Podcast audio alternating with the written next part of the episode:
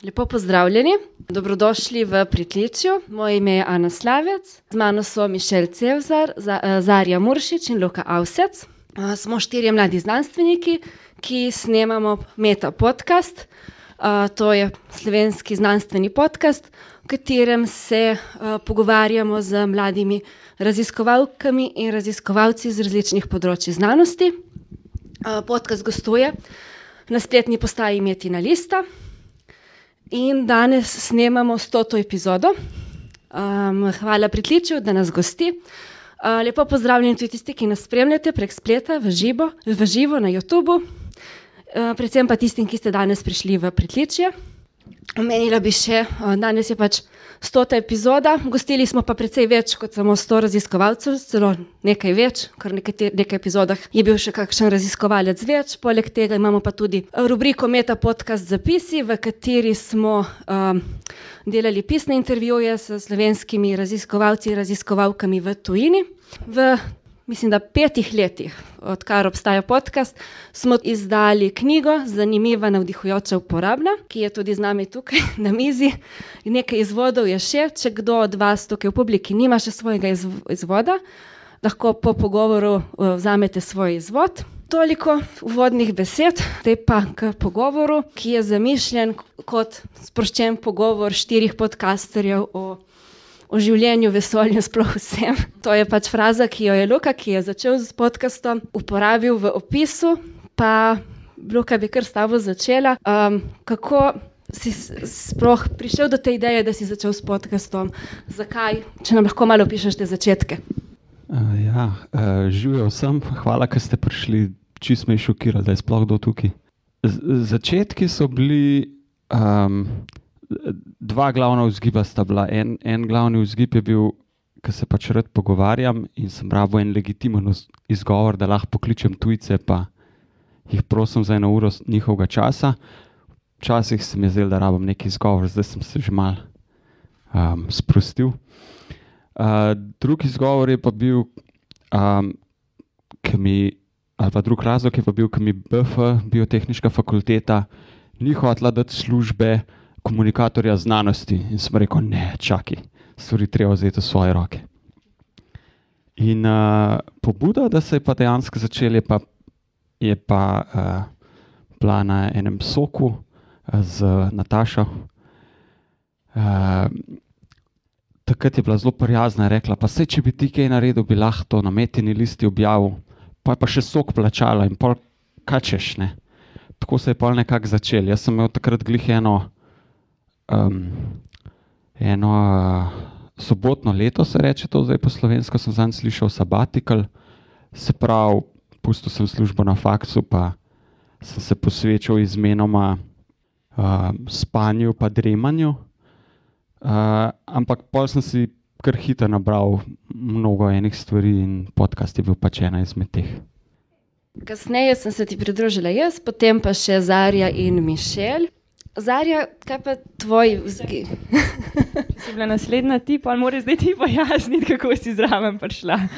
Ja, najprej se je začelo tako, da me je pač Luka intervjuval, sem bila pač ena izmed, njegovih, intervjuvank v prvi sezoni. potem pa, ko se je njegovo sobotno leto izteklo, in, je imel pač več obveznosti in se je izkazalo, da da pač ne bo več šlo ta tempo takrat, zelo hud tempo, ena epizoda na teden. Sama si tega sploh ne predstavljam, ker midva sva potem imela, kako je bilo že, ena epizoda na dva tedna, pa že to je bilo kar precej. pa sva si malo razdelila potem delo, no, pač Luka, Nataša pač je predlagala, pa je Luka me povabil zraven in sva potem izmenično delala te epizode. Nekaj časa sem jih potem delala sama, potem pa tudi pri meni je vedno pač tega časa zmanjkovalo, čeprav je pač podcastanje, zelo prijetno, mi je bilo to zelo všeč. Ampak je vseeno to tudi nekaj časa zame se pripraviti na vsako epizodo. Če pa v bistvu odgovorim na vprašanje, v bistvu, zakaj. zakaj, zakaj v bistvu to sploh začeti?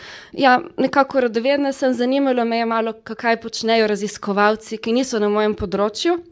Ker nekako se mi zdi, da v slovenski znanosti smo ujeti v to svoje področje in nekako ne spremljamo toliko, kaj se dogaja na drugih področjih. In se mi zdi, da je to zelo koristno, zame bilo kot raziskovalko, da sem malo odkrila, kaj počnejo drugi, ker dobiš tudi tako kakšno idejo, malo širše razumevanje in potem boljše razumeš um, stvari. Pa je res taka ena zanimiva um, izkušnja, da nekaj drugega počneš, tako kot nek hobi zraven pač samega doktorskega študija, ki je dosti krat zelo osamljeno delo. Um, Zarja, kaj pa pri tebi? V bistvu, ti si se zdaj znanstveno komunikacijo v bistvu ukvarjala tudi že preden si začela um, uh, s podcastom, uh, delaš, uh, si delala in še vedno delaš tudi na radiju študent.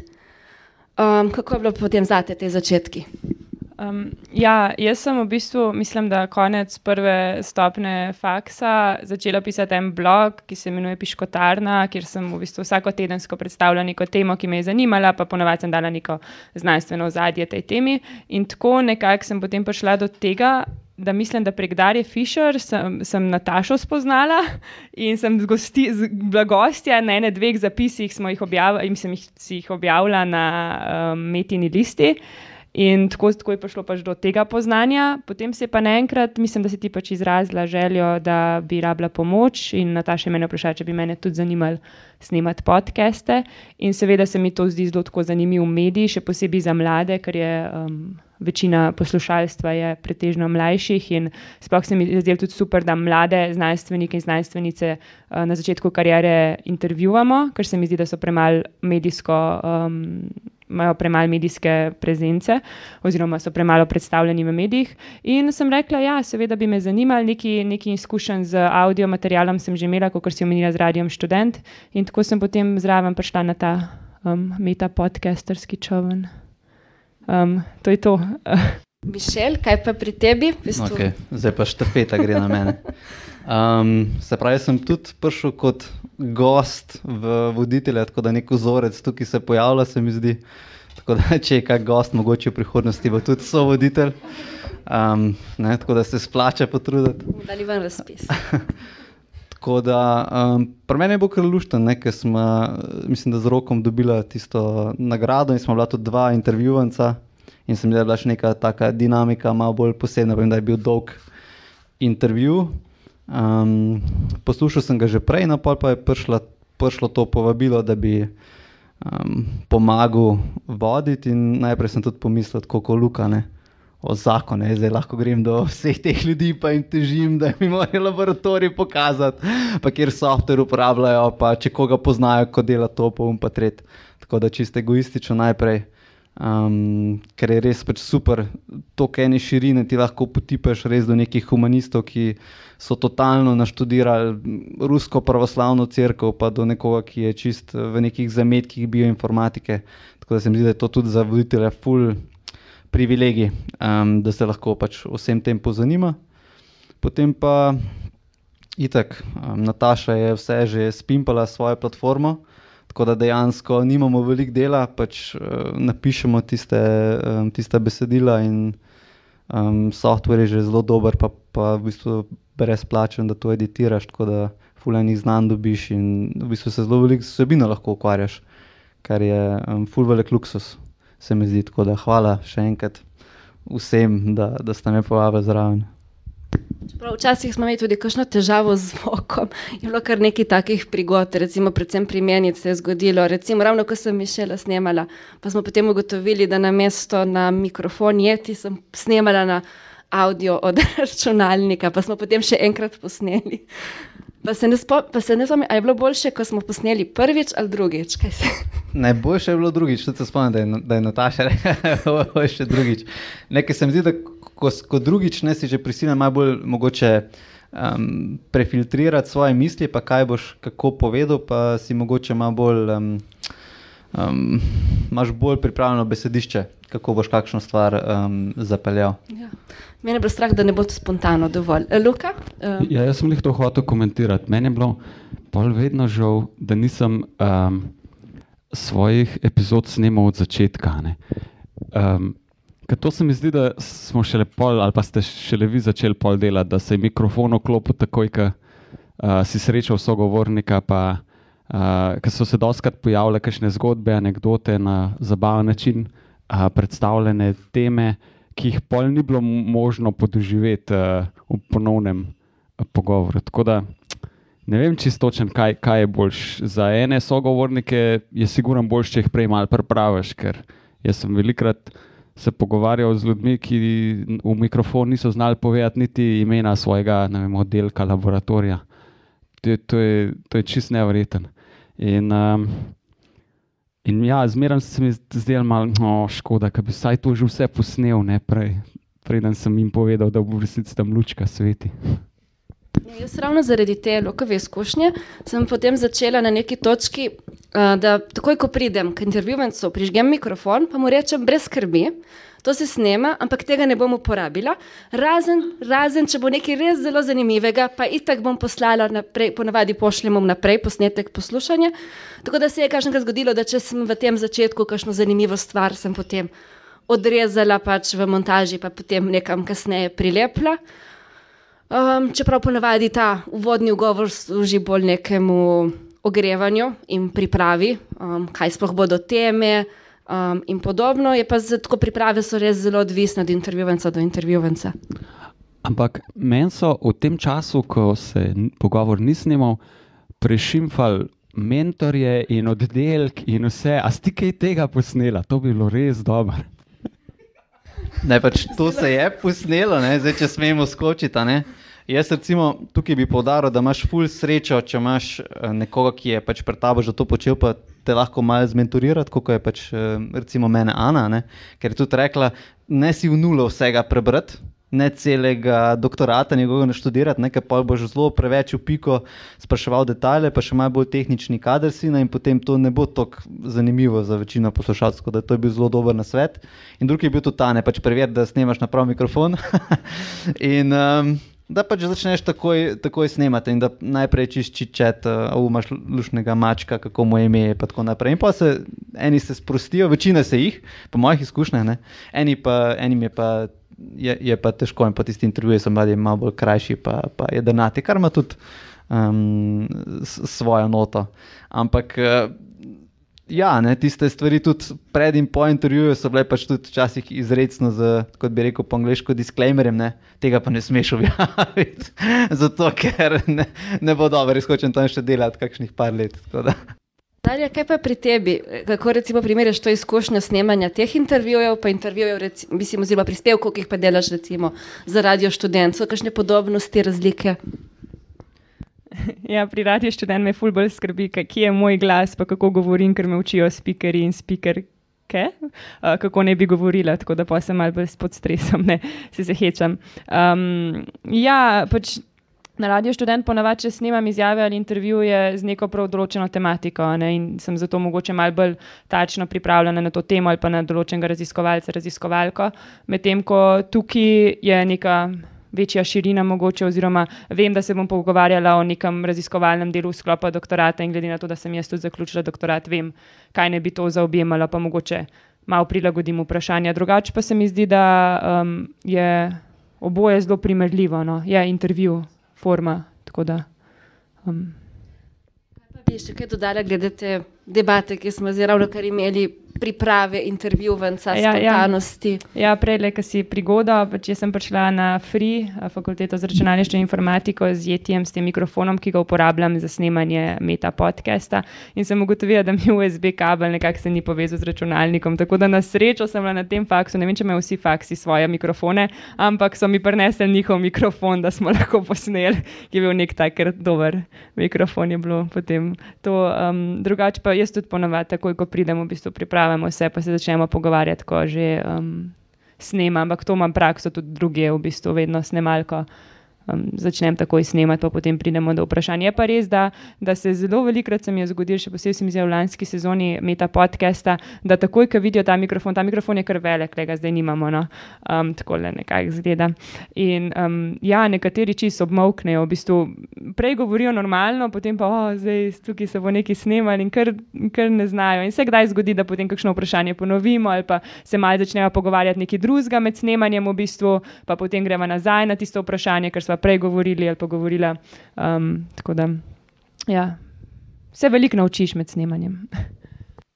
Kaj pa potem, ko gremo v to recimo fazo montaže? Kolikokrat se vam je zgodilo, da ste pogovor pustili takšen, kot je, in kolikokrat ste recimo imeli delo, da ste morali kakšne dele rezati, ali ra- zaradi raznih mašil, pon- ponavljanja, krajšanja, zapletov? Jaz sem imel recimo kar nekaj zanimivih izkušenj. Eno je bilo, uh, v moji prvi sezoni ni bilo jetija, ne, jaz sem uporabljal nek star mikrofon iz Radio Shacka. To je bila čista groza in uh, v eni epizodi je bilo fino, ker konferenčna dvorana ni bila na voljo, ne, ker ne bi, kjer ne bi se snemali. In sva z intervjujem, ko odšla kar v park.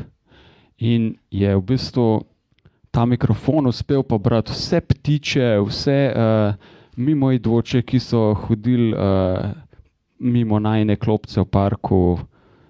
To je bilo noro. Ko to, ko to popraviš, ne vem, pač se ne da. Um, na začetku sem um, se zelo trudil uh, s temi mašili in um, zapletanje, a ne, to nekako odpravljati, probati uh, govorca predstaviti v čim boljši luči.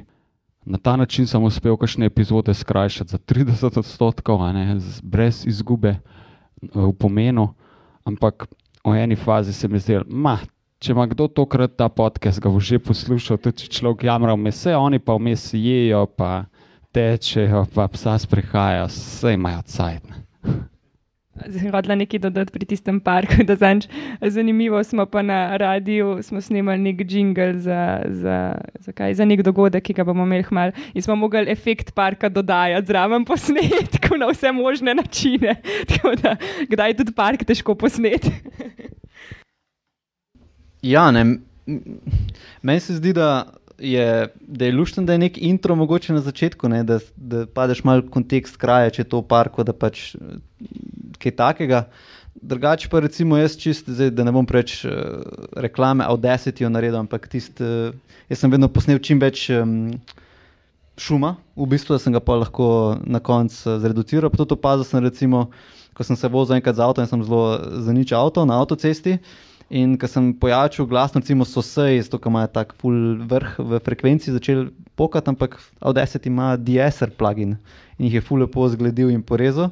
Tako da se da malo mal igrati, ampak zagotovo, pa če najlažje, sem videl, da imam najmanj dela, če postavim dober mikrofon. Jaz recimo bolj glasno govorim, sem se dal stran, mikrofon sem dal čist pred tisto osebo, sem videl, koliko na glas govori, on gain nastavil. In če sem si vzel, ne vem, 15 sekund, sem tisto malo potvikal. Ponovadi sem tudi osebo najprej posnel, pa sem jo pol predvajal, ko vidiš, pač tako se slišiš, veš, se ima je drugače, ker gre zvok še malo počeljust in ne.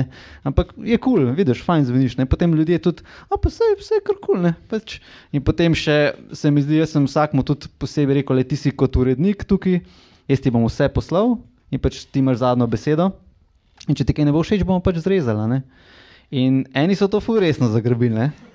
Tako da pa sem se že navadil, ok, jaz ti to pošljem, zdaj pa dej kar sekundo pa minuto mi pošlji, od kje do kje hočeš zrezan in to je bil pol rešitev te težave in smo bila jaz zadovoljen in, in um, tisti na drugi strani. Tako da pri meni se je tako recimo pol um, izkazati, da je bilo najbolj uporabno. Ponavadi no, jim pošljemo to v zadnjem momentu, tako da nimajo niti kaj časa, da bi kaj pripomnili. Um, ja, zdaj pa mogoče, če bi šli na temo, um, kaj menite o podkastu kot mediju za znanstveno komuniciranje v primerjavi z drugimi mediji, z drugimi alternativami, kaj so njegove prednosti, slabosti, opa, kaj, kaj ste recimo opazili, recimo Luka. Luka Ali pa kar Zarja, ki ima, ki ima že mikrofon. Um, kaj je bilo, aha, kaj je podcast, science podcast, um, znanstveni podcasti kot mediji. Ja, meni se zdi, da, je, da so mogoče malo bolj um, neuradni kot neki intervjuji na radiju, ki jih lahko slišimo z znanstvenicami in znanstveniki. Uh, pri tem imam predvsem v mislih kakšne, ne vem, story collider mi pade na pamet. Tudi slovenska metamorfoza, konc koncev, je tudi taka bolj ni, ni neka stroga, kot bi ne vem, poslušal neko bolj izdelano oddajo. In mogoče je zato glih tudi bolj. Um, bolj prijetna za poslušati nekim ljudem, ki se s temi stvarmi ne ukvarjajo, ker v bistvu spoznajo, da so znanstveniki, znanstvenice v resnici samo ljudje, ki imajo tudi neke šale, neko, neko story collider sploh odpira kakšne take zgodbe zanimive iz njihovega življenja, pa jih poveže z neko znanstveno tematiko. Um, drugače pa. Po moje, vse različne medije, ki jih imamo, treba, je, je pomembno, da jih znanost izkoristi, oziroma ljudje, ki delamo v znanosti na kakršne koli načine, pa ali so to podcasti, ali so to video, um, YouTube stvari, ali pa pač pisani, tiskani mediji. Ja, jaz mislim, da mogoče pisana beseda je malo preveč lahka za editirati. Naj pač ti lahko tekst z backspaceom pač popravljaš relativno enostavno, lahko ga pošlješ desetim ljudem, pa pač to vsi popravijo, pa lahko vsi v svojo vsako verzijo vidijo v Wordu po to. In se mi zdi, da je podcast mi je mogoče malo bolj všeč, zato ker ga ni tako prikladno editirati, editira ga lahko en naenkrat načeloma, ne. In ob, obdrži malo bolj tisto pač organsko noto, poleg tega slišiš um, glas, barvo glasu, vidiš, da tudi on kaj zdaj slaba, da se ne spomni mogoče kakšne imena, kakšne spojine, pa kaj. In se mi zdi, da pač tudi to um, pomaga k, te, k temu, da, da vidiš, da pač tudi znanstveniki um, niso, niso vsi pač, ne vem, totalni geni, ki bi kot Einstein, vem, sam letel nek navdih, ampak so to čisto ljudje, ki so pač temu posvetili um, veliko svojega časa. No? In se mi zdi, da pač tukaj je, je full dodana vrednost podcasta, da, da slišiš barvo, da so ti um, zvoki še vmes in neka ne vem, mašila. Se mi zdi, da to full bolj organsko naredi vse skupaj, kot pa neko besedilo. Mislim, po drugi strani imaš pa tudi um, zelo kreativne načine, ustvarjalne načine uporabe samega zvočnega medija, recimo Radio Lab ali pa tudi um, kakšni drugi podcasti o znanosti, kjer predstavljajo znanstvene teme, se veliko igrajo z nekimi zvočnimi efekti, zraven, da v bistvu kot neke igre nas postane to poročanje o znanosti, kar je potem še bolj prijetno za poslušati. Ne, ne samo, da slišiš že ljudi in jih spoznaš v nekem njihovem okolju. Ne vem, recimo, kdaj se tudi spomnim, kakšno knjigo berem, je meni zelo podobno kot poslušati podcast, kjer gre nekdo na nek teren in res slišiš te efekte, aha, odprli so vrata, grejo tja, podobno kot recimo, dobiš res nek tak občutek, da si ti tam kot pri branju knjige, kjer, kjer ti avtor, avtorica res oriše, kako izgleda neka hiša, kamor si šel, v bistvu lahko samo prek zvoka že začutiš vse te, kaj to okolje in, in pač tudi človeka na nek način, ki, s katerim govoriš, oziroma kateri je predstavljen.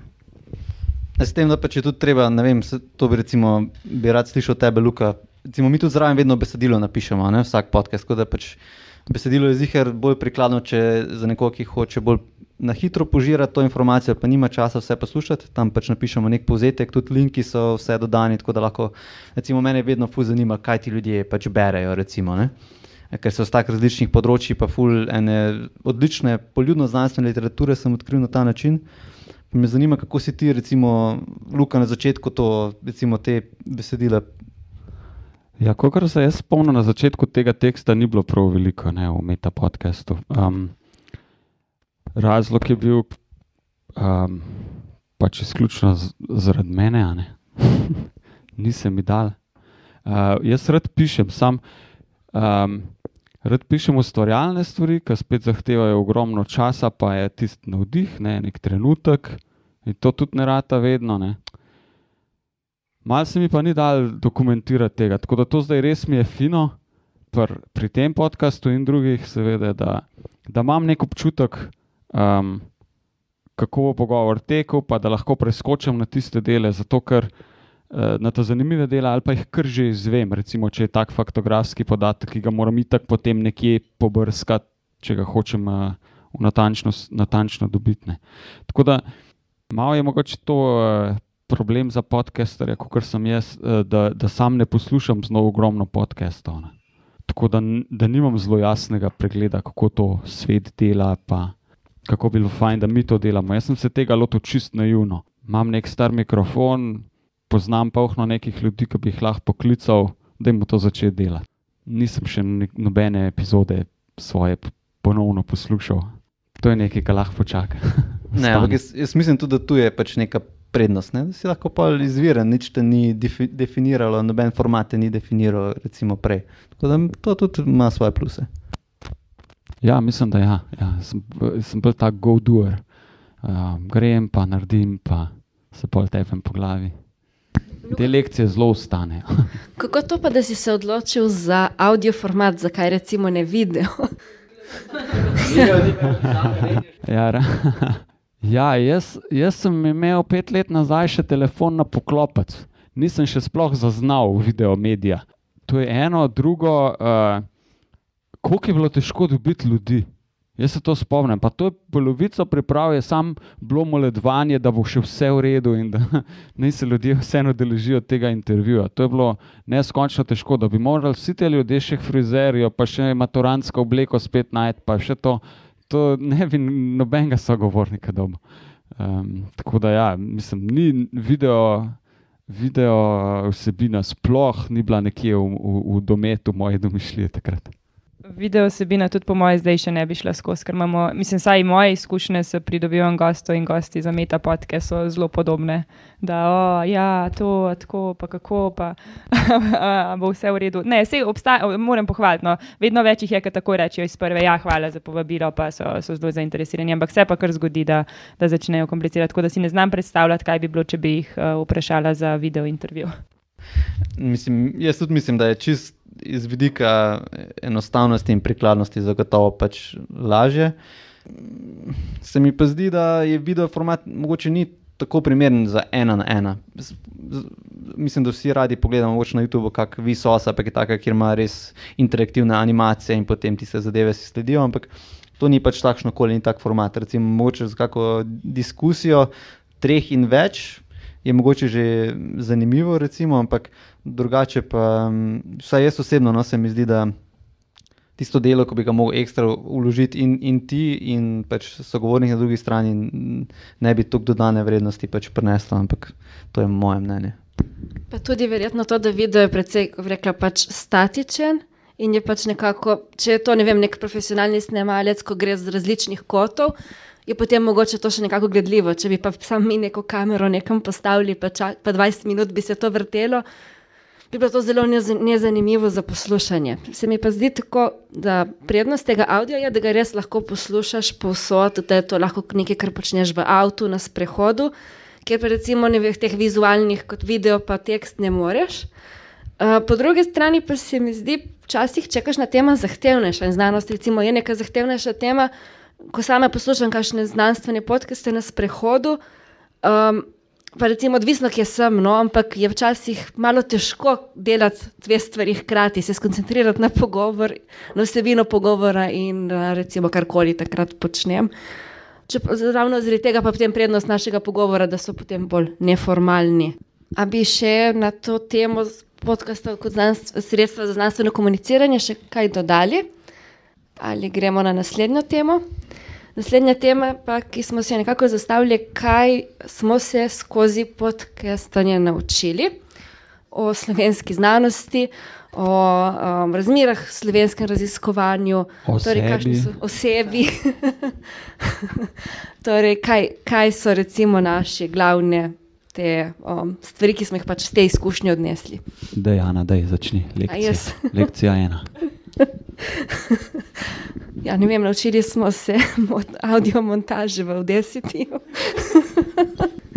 Naučili smo se uporabljati uh, Secret za iskanje raziskovalcev, pa spletne strani slovenskih uh, teh inštitutov, pa univerz. Nekaj, kar smo opazili z Luko, je gotovo to, da v bistvu so zelo različne. Ne? Za nekatere re- smeri, za nekatere področja zelo enostavno, zelo pregledno najti informacije, kdo so mladi raziskovalci, za kakšno področje pa ne. Pa tudi strani niso tako osvežene, tako da če nas kdo tukaj posluša. Z kakšne uh, fakultete ali pa inštituta. Se drugače škoda, da Univerza v Ljubljani nima enotne strani za vse fakultete in za vse, kjer se najde. Ne, ne samo to je res škoda. Mislim, mogoče je to moja razvajenost iz tega, da sem pač videla, kje druge, kako so narejene. Ampak, um, ker se mi zdi, da bi bila mogoče tudi prepoznavnost boljša, ker um, kdaj, je, kdaj je težko komu razložiti, zakaj mi delimo vse te. Pač ne rečeš, da, da, da študiraš na Univerzi v Ljubljani, ponavadi rečeš na katerem faksu, tukaj en drug mone, česar recimo jaz v tujini nisem toliko doživela, je ponavadi več ali manj iz katere univerze prihajaš. a ne. Ok, se pol, če rešiš tukaj v tujino tudi, ampak pač med nami.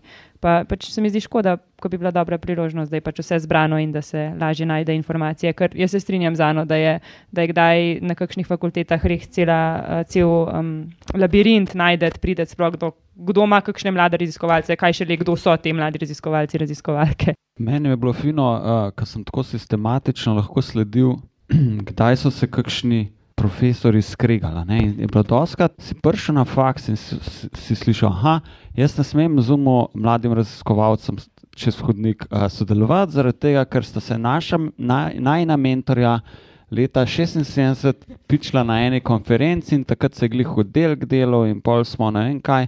In te zgodbe čist povsod, brez izjeme, na vseh faksih. To je bilo zanimivo. D druga zanimiva stvar je bila, da če mladi raziskovalec obstaja na papirju, ne obstaja vedno tudi v, v resničnem svetu.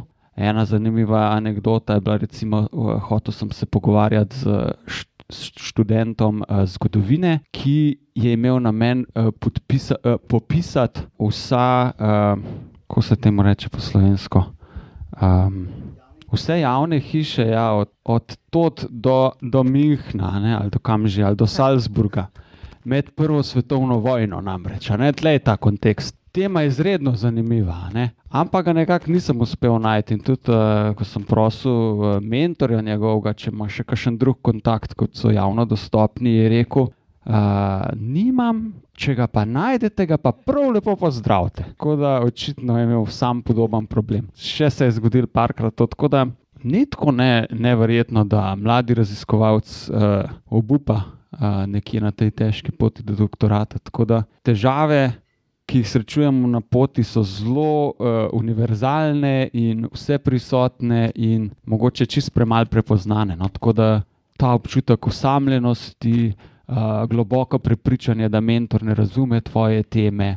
To so tako univerzalne stvari, da, da bi bilo fajn v tem, kakšno knjigo kdaj napisati. Tudi. Mislim, da bi bili zanimivi esej. Um, jaz tukaj se pa z obema strinjam. Ne? Tudi recimo jaz. jaz ne, pač recimo tudi jaz, jaz sem tak primer, ki pač mi je.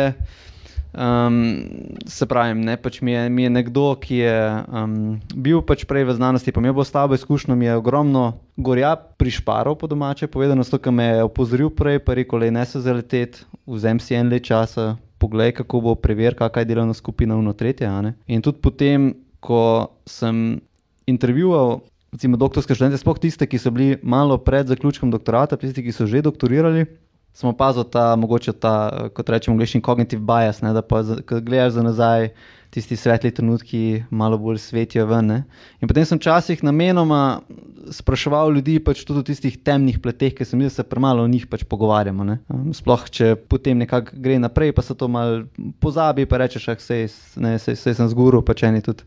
Ja, saj sem sam sebi dokazal, ne, vmes pa vem, ker sem z njimi delal, pa so preklinjali vse od univerze do mentorja in vs- vseh eh, birokratov vmes. Tako da se mi zdi, da po eni strani se, se premalo zavedajo mladi, ki se odločajo za, za ta poklic, da je tu ogromno enih spremljivk, ki pač še sploh niso še sploh na radarju, ampak ki so zelo pomembne. Ne? Od, od tega, kakšna je delovna skupina, um, kakšen je mentor, a si res vzame pač čas, to bo recimo um, še boljš lahko zarja povedala, ki ima izkušnje iz, iz tujine, pač kako je tam kaj drugače. Ampak jaz recimo sem intervjuval kar nekaj tudi um, ljudi, ki so v tujini študirali ne? in so rekli, wow, ne.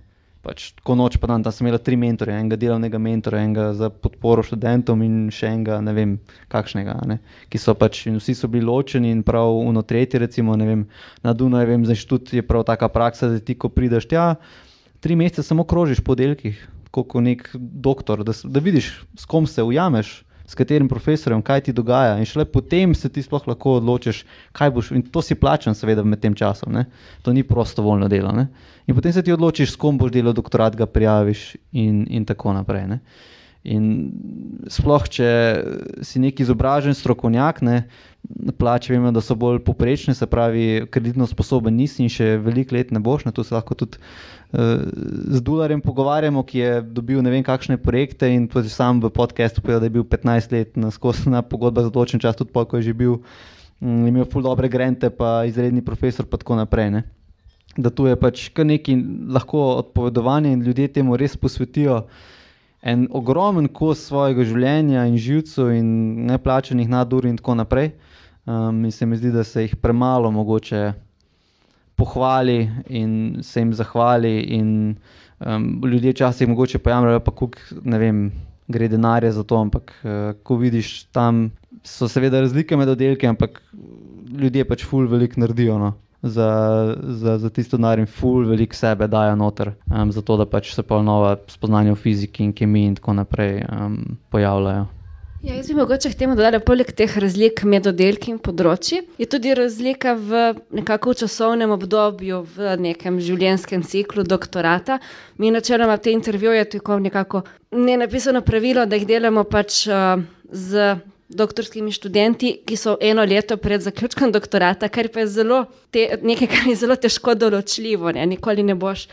Uh, nihče ne ve, kdaj bo doktoriral, tako točno, da bi lahko to definirali. Tako da nekatere smo pač bliže doktoratu, intervjuvali nekatere pač celo po doktoratu, nekatere dost pred doktoratom, ker se pač dosti krat zgodi, da se zaradi različnih razlogov lahko ta pač čas zelo podaljša. In nekaj, kar sem tako opazil, da sicer mogoče vzorec je premajhen, ampak temu dodajam tudi izkušnje delovanja v Društvu Mlade Akademije. Pač nekako tak občutek sem dobila, da bliže, ko je nekdo doktoratu, bolje kritičen do sistema in do slovenske znanosti, še posebej potem, ko, potem, ko si enkrat po doktoratu, ker šele takrat v bistvu ugotoviš. Um, kaj so vse te zmote sistema. Na začetku, prvi dve leti, v bistvu je lahko se zelo lepo, prijetno, um, si v neki raziskovalni skupini, se razumeš, sveda ne pri vseh, ne? nekateri zelo, že zelo zgodaj naletijo na težave.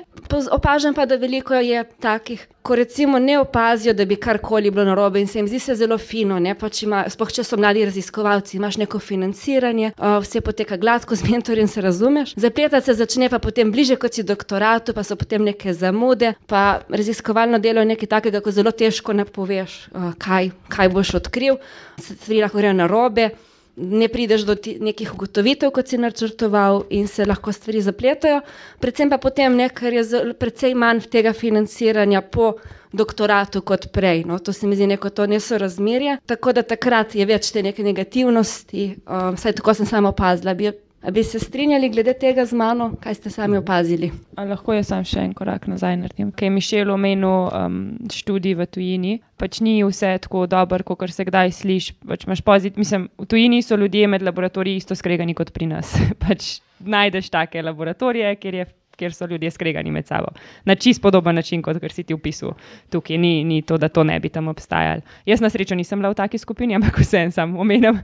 Sicer pa pač izkušnja iz tujine, Ja, imela sem dva mentorja, ja, bila sta kar na voljo, ampak vseeno v tujini tudi 50, ne vem če 50%, ampak kar velik procent ljudi, tudi odstotek ljudi, tudi obupa na doktoratom in ga pustijo in grejo v druge vode. Tako da ni, ni, ni nujno, da boš zunaj opravljala, opravljala boljši doktorat kot tukaj, kot lahko imaš pa tukaj veliko srečo, pa se res dobro razumeš z mentorjem in vse, in boš tukaj lahko neko ful dobro raziskovalno delo pripravila. Um, je pa res, da mislim, doktorat je itak neka, ja, mogoče ni glih osamljena pot, ampak je projekt, ki ga ti vodiš, ki, ki tebe zanima, imaš raziskovalno vprašanje in ti boš na koncu strokovnjak uh, na tistem področju, katerega si raziskoval. Um, in to moraš pač čim prej na začetku doktorata sprejeti in je čisto vse, ga delaš v Sloveniji ali ga pa delaš kje drugje, pa imaš lahko pa kjerkoli lahko, ker hočem povedati, da lahko tudi v Sloveniji najdeš super mentor in super skupino, kot lahko v tujini imaš tudi nesrečo, pa ne najdeš teh super ljudi. tako da je res za razmisliti, kam in kako greš. In so, je zelo velik faktor, tako da ni nujno, da iti v tujino je pa uh, res veliko boljše kot pri nas. Sem tudi pri nas nekaj ljudi, ki sem intervjuvala, sem videla, da se super razumejo, da, imajo, da, da so res zelo zadovoljni s svojim delom in kar delajo, in da tudi vidijo neko pot za prihodnost. Oziroma, jim tudi mentori, recimo, ne vem, se mi je zgodilo, mislim, da glih na elektrofaksu, da je mentor že v zadnjem letniku doktorata začel tega doktoranta uh, spraševati, kaj pa bi tebe zanimalo, kakšna karijera kasneje, ti lahko kako pomagam, lahko kakšne um, kontakte z gospodarstva ali bi želel v akademskem svetu ostati.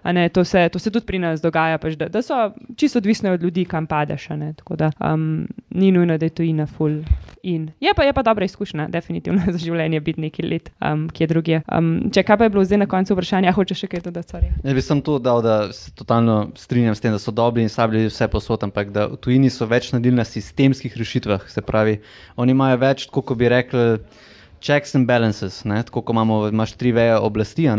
Tako pač tudi v, v tujini so več naredili na sistemskih rešitvah, komu se ti lahko greš pritožiti, če pač nekaj s tabo pa med mentorjem štima, ker vidva sta, ko, vidva sta ne, neke dve stranke v nekem odnosu, ki je pa z neko pogodbo sklenjen. In pa če se nekdo nekih določil ne drži, potem temu mora nekaj slediti. To je recimo, pač se mi zdi, da jaz tukaj eh, mogoče malo v Sloveniji pogrešam na tem, ker ne veš, na koga bi se obrnil, mogoče sploh ne upaš, tako smo zelo mehna, um, socialna dinamika v Sloveniji je zelo specifična, itak vsi vsega poznamo, noben se noče štihniti v nogo ne, za svojo prihodno eh, karierno pot. Ne. Tako da tukaj se mi zdi, da pač je nekaj čist slovenska dinamika, nas je malo, vsi se poznamo, to ne bo šlo nikoli preč. Drugo, kar sem pa hotel izpostaviti, je pa predvsem te neke sistemske rešitve, kjer se ljudje že zavedajo naprej, da je mogoče, da se pa ne bo ta najboljša razumela in pripravi inštrumente, kako bojo ta spor reševali v, v primeru, da, da do tega pride. Kaj, kaj, kaj si prej, kam smo že zašli, zdaj smo že spet nazaj? Vprašanje je bilo v bistvu, ali vem, bi, ste opazili, da mogoče kasneje, v bistvu, bliže kot je nekdo doktoratu ali pa tisti po doktoratu, da so mogoče malo bolj kritični do sistema, ali, ali so so samo to moje opažanja. Mm, jaz ne vem. Luka, mogoče.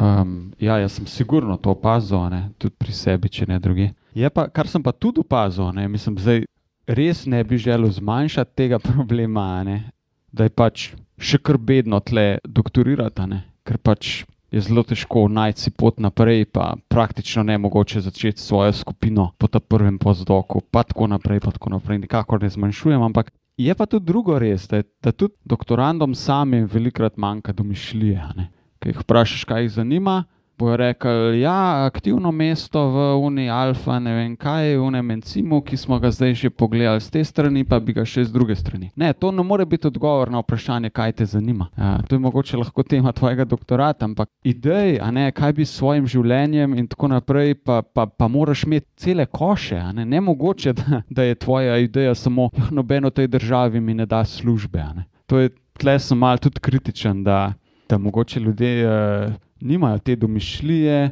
razumem, da nimajo vsi podjetniške žilce, ampak sej to ni edina možnost, ki obstaja razen življenja v akademiji. Mene, recimo, jaz bom samo eno izkušnjo, uh, ful presenetil, ko se navezuje na to, da sem prišla, ne vem, v prvem letniku doktorata, smo imeli nek, um, ko se to reče, spoznavno nek dogodek in smo vsi se pač nekako predstavili, zakaj oziroma kaj bomo raziskovali, pa zakaj smo se odločili sploh za to podoktorat. In je zelo veliko ljudi rekel, da v bistvu so imeli to idejo, da oni hočejo biti v akademskem svetu. V bistvu jim je ta naziv več pomenil kot sama tema raziskovanja, ki jo bo raziskovali s tem, da večino ljudi, ki so tam ki so študirali na tej univerzi, um, so, smo tam študirali z lastno temo. Torej je, bil, je bilo raziskovanje vodeno iz naše radovednosti. Se pravi, pri nas, ne vem, jaz ne poznam tako dobro tega sistema, ga res poznam samo iz Meta podcast, pa pač od prijateljev, prijateljic, ki študirajo tukaj. Se večinoma ljudje prijavljajo na neke teme oziroma k nekemu mentorju in ta mentor, mentorica, kar vodi njihovo raziskovalno pot oziroma ima, ima tudi ta vprašanja jim zastavlja na mesto samih um, študentov, študent, doktorskih študentov, študent. Medtem ko v tujini, saj moja izkušnja je bila, sem jaz v bistvu mogla nekako priti in mogoče me je to na začetku kar malce šokiralo, ker sem tja prišla, ne, da, da moram sama, o, zdaj pa res, jaz se lahko vprašam karkoli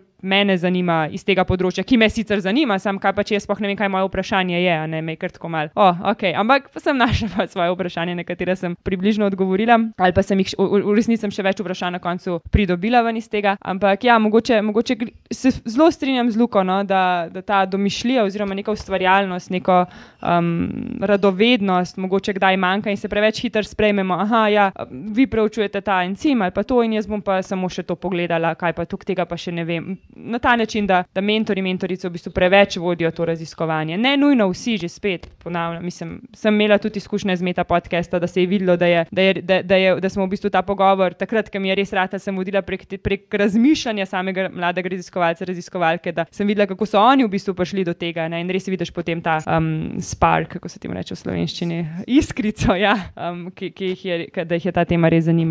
Ja, meni se zdi, recimo, ena par kolegov, vem, da so bili uspešni recimo, na magisteriju. Ne, se mi zdi tudi, recimo, jaz se nisem vedel, kakšen preskok je med magisterijem in med doktoratom. To je čist druga žival, popolnoma druga žival. In um, tudi za marsikoga se mi zdi, da je bil doktorat taka privzeta pot naprej, ne? ki je pač lepo jasno definitivno, narediš magisterij in potem en profesor te pohvali, reče, jaz bom pa verjetno odbil eno mesto za MR, bi te zanimalo, ne, si, si pridem. Si tako, "A, cool, ne, pač odločitev je lahka, ne, mesto imaš že zagarantirano, nekdo ti ponudi, super, fino, fajn, ne, pač odlično. In takrat si, jaz, vsaj jaz sem bil še bolj mlad in naiven, kot, kot, kot sem danes. In um, se ne vprašaš mogoče dovolj ne samo o projih, ampak tudi o konjih, ne, pač kaj pa je mogoče slab scenarij, kaj pa se lahko zdi, kako pa to zgleda. Ne. Kar se tega stresa tiče, recimo, sem ga podjetnika eh, spraševal enkrat eh, na enem predavanju na inštitutu Jožef Štefan, evo, ti si tudi doktoriral, me zanima, kako primerjaš ti svoj stres kot podjetnik, pa prej, ko si bil doktorski študent. Preko veš, to mi je rekel, ne, zanimivo vprašanje. Je rekel, v bistvu se mi zdi, da so bili vrhunci stresa ful večji na doktoratu, recimo pred kako raziskavo, pred oddajo članka, pa če je bil sprejet, pa tako naprej. Rekel, podjetništvo je pa bo, stres bolj kroničen.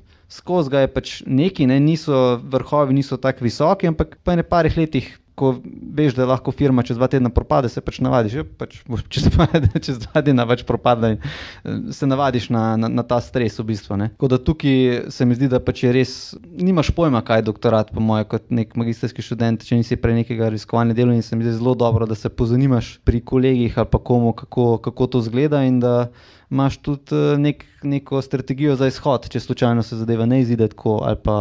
Strategijo za izhod, mislim, da mogoče si premisliš, ali pa da na koncu veš, ok, dosta akademske scene mi je full dala, ampak zdaj bi pa jaz račel vem, v industrijo, pa lahko mogoče že kakšno leto prej delaš na tem, da si najdeš mogoče bolj tak projekt ali kakorkoli. Ne.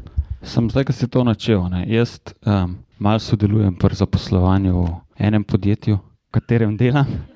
To je super podjetje, Eh, ampak kar, kar zaposlujemo na ravoslovcu, jih je v resnici um, je zelo težko vzeti nekoga, ki nima doktorata. Ne. Prvič zato, ker rabi doktorat, če se hoče karkoli pametnega pogovarjati. Ne. Drugo pa doktorat ti pove, da, da je en človek pripeljal eno stvar do konca. In, in, um, in, da se, in da se je sposoben e, z eno stvarjo za dosti globok in v dosti veliki samoti spopasti in jo na, na nek način razrešiti. To je moja definicija, nekaj, kva, kaj meni doktorat pomeni. Ne? In če nekdo nima doktorata, ali pa je po dveh letih obupal na doktoratu, kjer je bolj zaposljiv. Ne vem. No. Uh, Meni se zdi, da je to iz, izredno pomembno, da, da ljudje pripeljejo stvari do konca. Ne. Mi smo tudi že vzeli kakšne ljudi, pa spet ne bom s prstom kazal, ki so bili še v fazi zaključovanja doktorata. Ne. In jaz sem stalno, rabiš dopust, rabiš neplačen dopust, kaj rabiš, da boš ti to zaključil. Ker ta zaključek je zelo pomemben. Ne. Tudi v biznisu pač stvari treba zaključovati. In, in, in In bližje, ki si zaključku, kjerkoli stvari, bolj ti je odvratna, manj je te motivacije, ki pride od ne, tega vznemirjenja, ko je nekaj novo, pa sveže. Bolj je res treba vložiti tisti tis grind, tisti mater, da, da, da stvar dokončaš. To je, po mojem, zelo pomembno sporočilo, um, sporočilo delodajalcu naprej. No. Tako da, ja, se strinjam, sem jaz veliko uh, situacij uh, videl, ko sem jaz del, uh, le tle, res ni smiselno nadaljevati. Ampak izhod je pa mogoče nadaljevati nekje druge, če se vidiš v tem, v znanosti naprej. Ne. Seveda, če se ne vidiš, pa ne rabiš. Ampak če nekdo na tem, da bi rad delal v znanosti, pa je prišel do tja, da se je lotil doktorata, pol boš, da ga zaključi. Meni je posvečen, da si omenil to, um, da je treba pač zaključiti doktorat, ker to je mene gnalo do konca, na koncu se zadnjih nekaj mesecev. Ampak je bilo bolj smešen, ker sem se dnevno spraševala, oziroma tiste mesece, ko sem recimo imela meta podcast, da sem imela pa kakšno oddajo na radišče in sem rekla, pa zakaj lahko to zaključim, ne morem pa tega doktorata že končno oddati. In sem se prav lovila v to, seveda je meta podcast veliko manj časa, oziroma tudi manj obsežen kot nek doktorat, ampak je smešen, da ta, da ta, ta zaključek je um, je res v bistvu samo, ne vem, mene je trma, če je spravljeno. Um, pa nisem uživala zadnjih par mesecev, pa po mojem ljudje okoli mene tudi ne. ja. Moj mentor je to imel prokrastinacijo, to, da sem uspela epizode narediti do doktorata, pa ne. Mislim, sem ga no na koncu, ampak tako, no, ne v tistem času, kot si ga je on um, zamislil. Mišel, ti si tudi hotel nekaj še povedati? Imam mogoče zdaj že malo rentam nazaj na, na Lukata. Ne? Ok, ok, bom. Um, jaz mislim, da je, da je tu uh, v teoriji, se pravi, teoriji. Na, vedno, ko se pogovarjaš, ne gre imeti pogovora brez nekega posploševanja in ponostavljanja, ker drugače sploh ne bi mogli pogovarjati. Um, je pa dejstvo tako, da je treba zelo raziskovati, mislim, razlikovati, po mojem, tisti tis, tis, tis trud in napor, ki ga uložiš za to, da nekaj speleš in ti smetalni napor, da nekaj pogruntaš, da nekaj zanaliziraš, da narediš hude vizualizacije, kot pa pač tisti napor, ki pride zaradi stvari, ki moraš plavati proti toku, ne se prejaš na razpise, pa da ni, pa da mentorja ne moreš dobiti en mesec. Recimo, jaz, ko sem prišel pač na inštitut, je mentor pač za en mesec nekam šel, pač mi je dal računalnik in niti rekel nič kaj naj delam nič, ki so, kaj sem se mogel znati sam. Ne, pač prvi tisti je bil zelo, zelo slab, recimo za me. In, in je bilo nekaj, je bilo, recimo, jaz, jaz sem en izmed tistih, ki je šel ven, ker sem, pač, sem videl, da je, nisem za to in da je preveč energije izgubljen, ker pravim, full proti toku in sem se ukvarjal z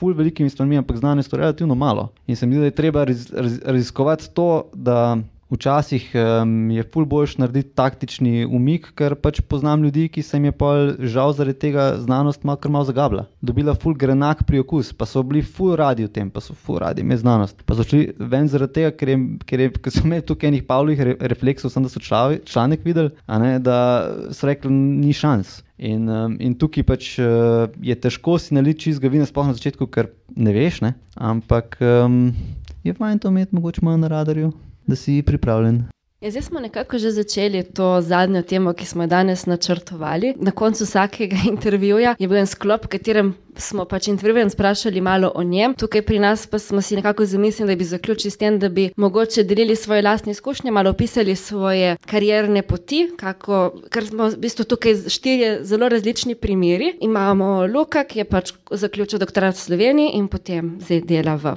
nekem podjetju, uh, Zarja, ki je zaključila doktorski študij v tujini in sedaj pač išče recimo neko pot naprej, postdok. Uh, Mišel, ki se je odločil, da doktora, z doktoratom ne bo nadaljeval. Dropout. Pa sedaj tudi dela v, v industriji. Ja.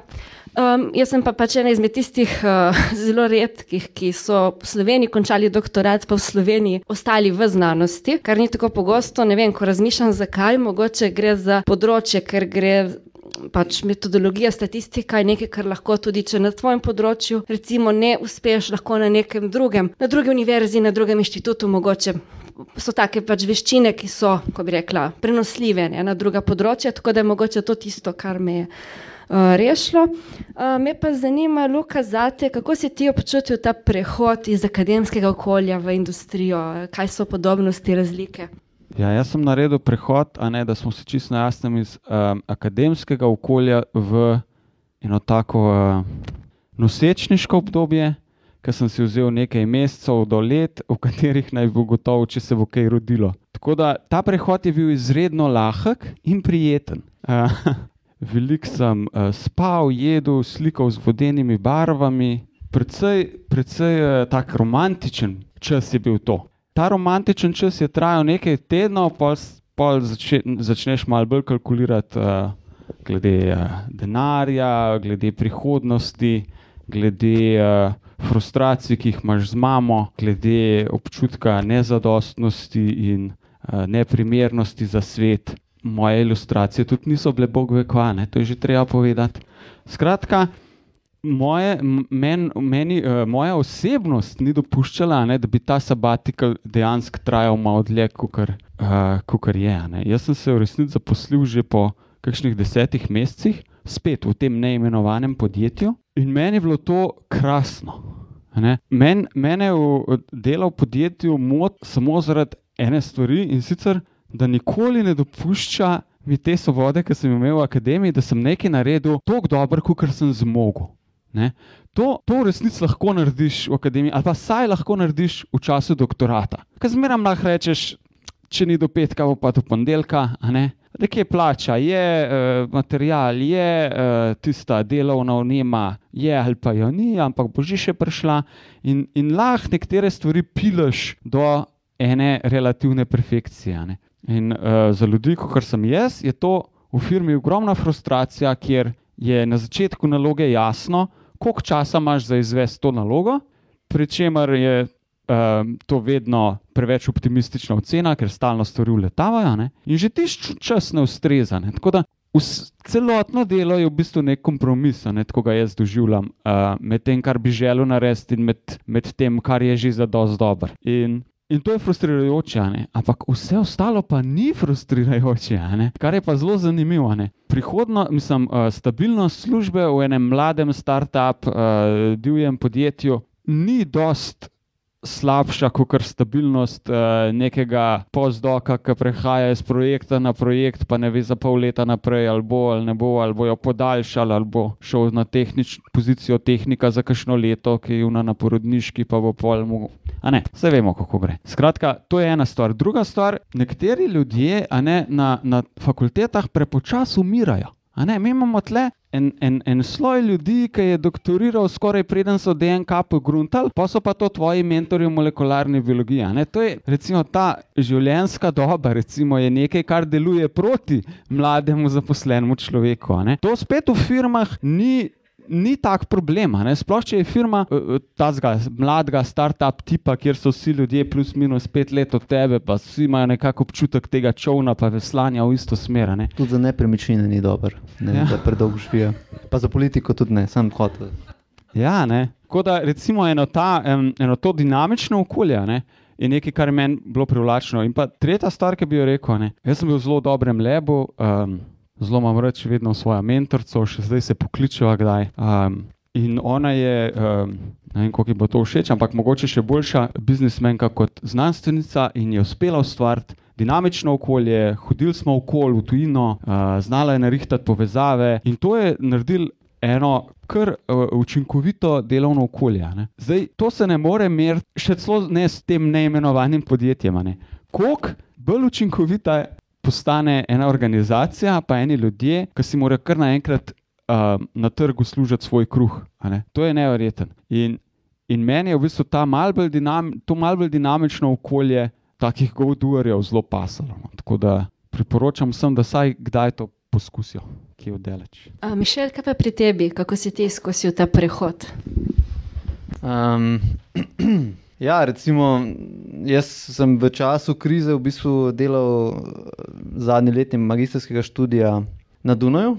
In tam sem imel prakso, in potem, tam, ko sem imel prakso, so bili z mano očitno zadovoljni, so mi ponudili pa tudi um, zaposlitev naprej. Sedaj imamo takrat študij na pauzi in sem tisti tam delal. Um, že to mi je bilo znanstvena fantastika, da me je nekdo, ki me sploh ne pozna, povabil, da bom jaz tam dobil službo. Oni mene, kaj?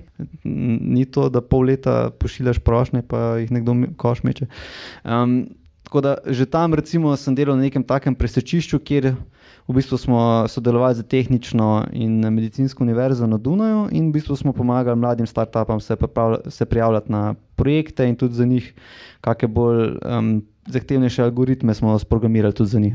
To je bilo tako zanimivo presečišče, ki je bilo na pol še vedno, se, recimo smo imeli tudi eh, tehničnega direktorja, ki je bil pač eh, predavatelj na TU um, Vin, se pravi Tehnični univerzi na Dunaju in tudi nekoga iz eh, medicine, ki nam je tudi malo pomagal, pa tudi eh, poslovnega direktorja, pa še čisto operativnega. Tako da je bilo, to je bil kar tak zanimiv prehod. No, potem pa iz tega v bistvu sem se malo ustrašil sedenja v pisarni in pa sem mogel imeti svoj sabbatical, ki je bil krajši. Sem mogel iti eh, malo na portugalsko surfati in sem tudi zelo hitro pogruntil, da po enem mesecu mi je ratal full dolg čas in sem rabo ustvarjati. Ne? In potem sem videl, da to ne bo šlo, grem nazaj. Ne, ne jaz, jaz, pa, jaz pa res slabo rišem, veš, tako da ne vem, če bi znal niti prijet v eno barvico.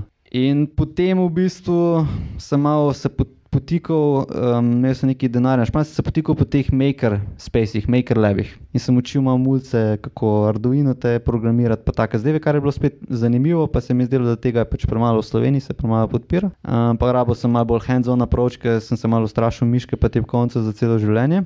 Ker prej sem pač programiral tam. In potem iz tega je pač prišla ponudba za, na Jožefu Štefanu. Ne? In potem je um, se rekel, če kdaj zdaj. Ne? In potem se je pač tisto ni šlo, jaz sem tudi videl, da, da nisem jaz za to. In um, ker preden sem šel v akademijo, sem rekel, no to pa so res pravi iskalci resnice. Tam pa ni boljšita. Ne, tam so vsi iskreni in tam pač članek tega, vsi tam te zrostajo na sestanku pred predstojnikom, ker pač tista načba je narobe in to vsi vejo razen tebe. In uh, pač tam se resnica se tako počasi kristalizira ven in pač ni res. Ne? Ker je pač uh, ljudje smo taki, da se optimiziramo za metriko uspeha. Metrika uspeha na inštitutih je, koliko ti člankov objaviš, koliko imaš točno sikrisu in pač katere revije, na katere konference lahko greš. Ne? In ljudje so se za to optimizirali in potem pač Um, en mentor, zelo sposoben uspešen, ki ima še pač firmo doma, ne, da si poštuka malo plačo, je rekel, lej, naši članki so uh, kot ladyboy, ne? zgori fulušten, spodaj pa en k, tri pikce. Ne? Ampak revije so pa objavljeni ne? in pač to je recimo mene takrat ful, ful razočaralo.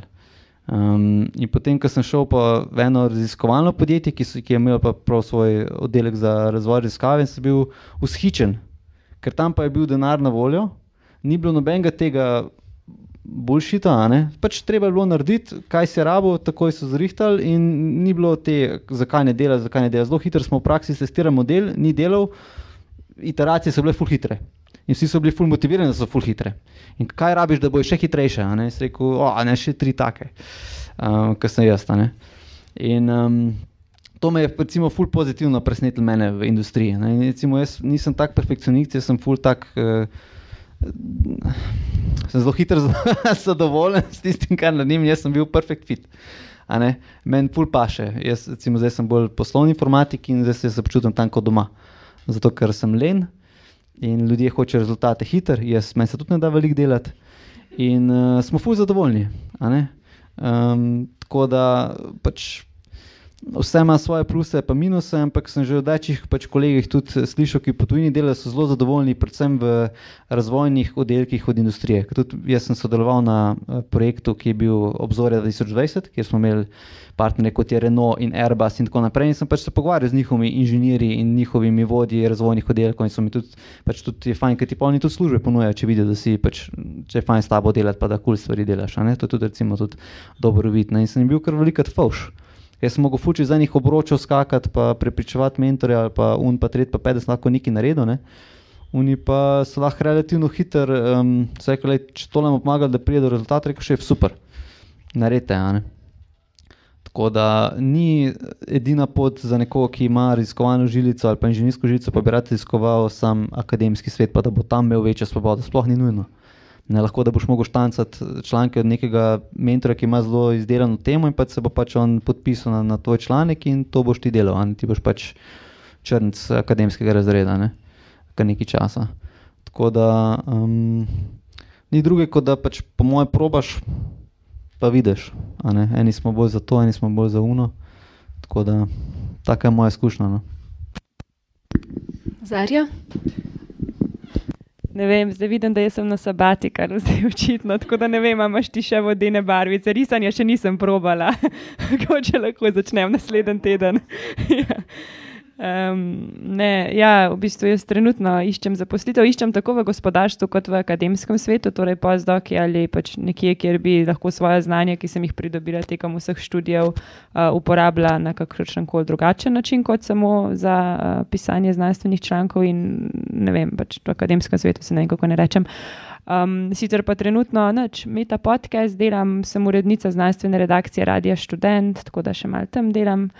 Um, med vikendi sem na košarki, tako da lahko tam mali, da bomo prekarc. nove don, dončiče imeli. Pišem, piš, ja, prekarcem, ja, pišem, pišem zapisnike, da bojo lahko uh, mlajši še igrali naprej. To je pa to. Ne vem, kaj ne rečem. Sem risanje drug teden, ne začnem, še to probam.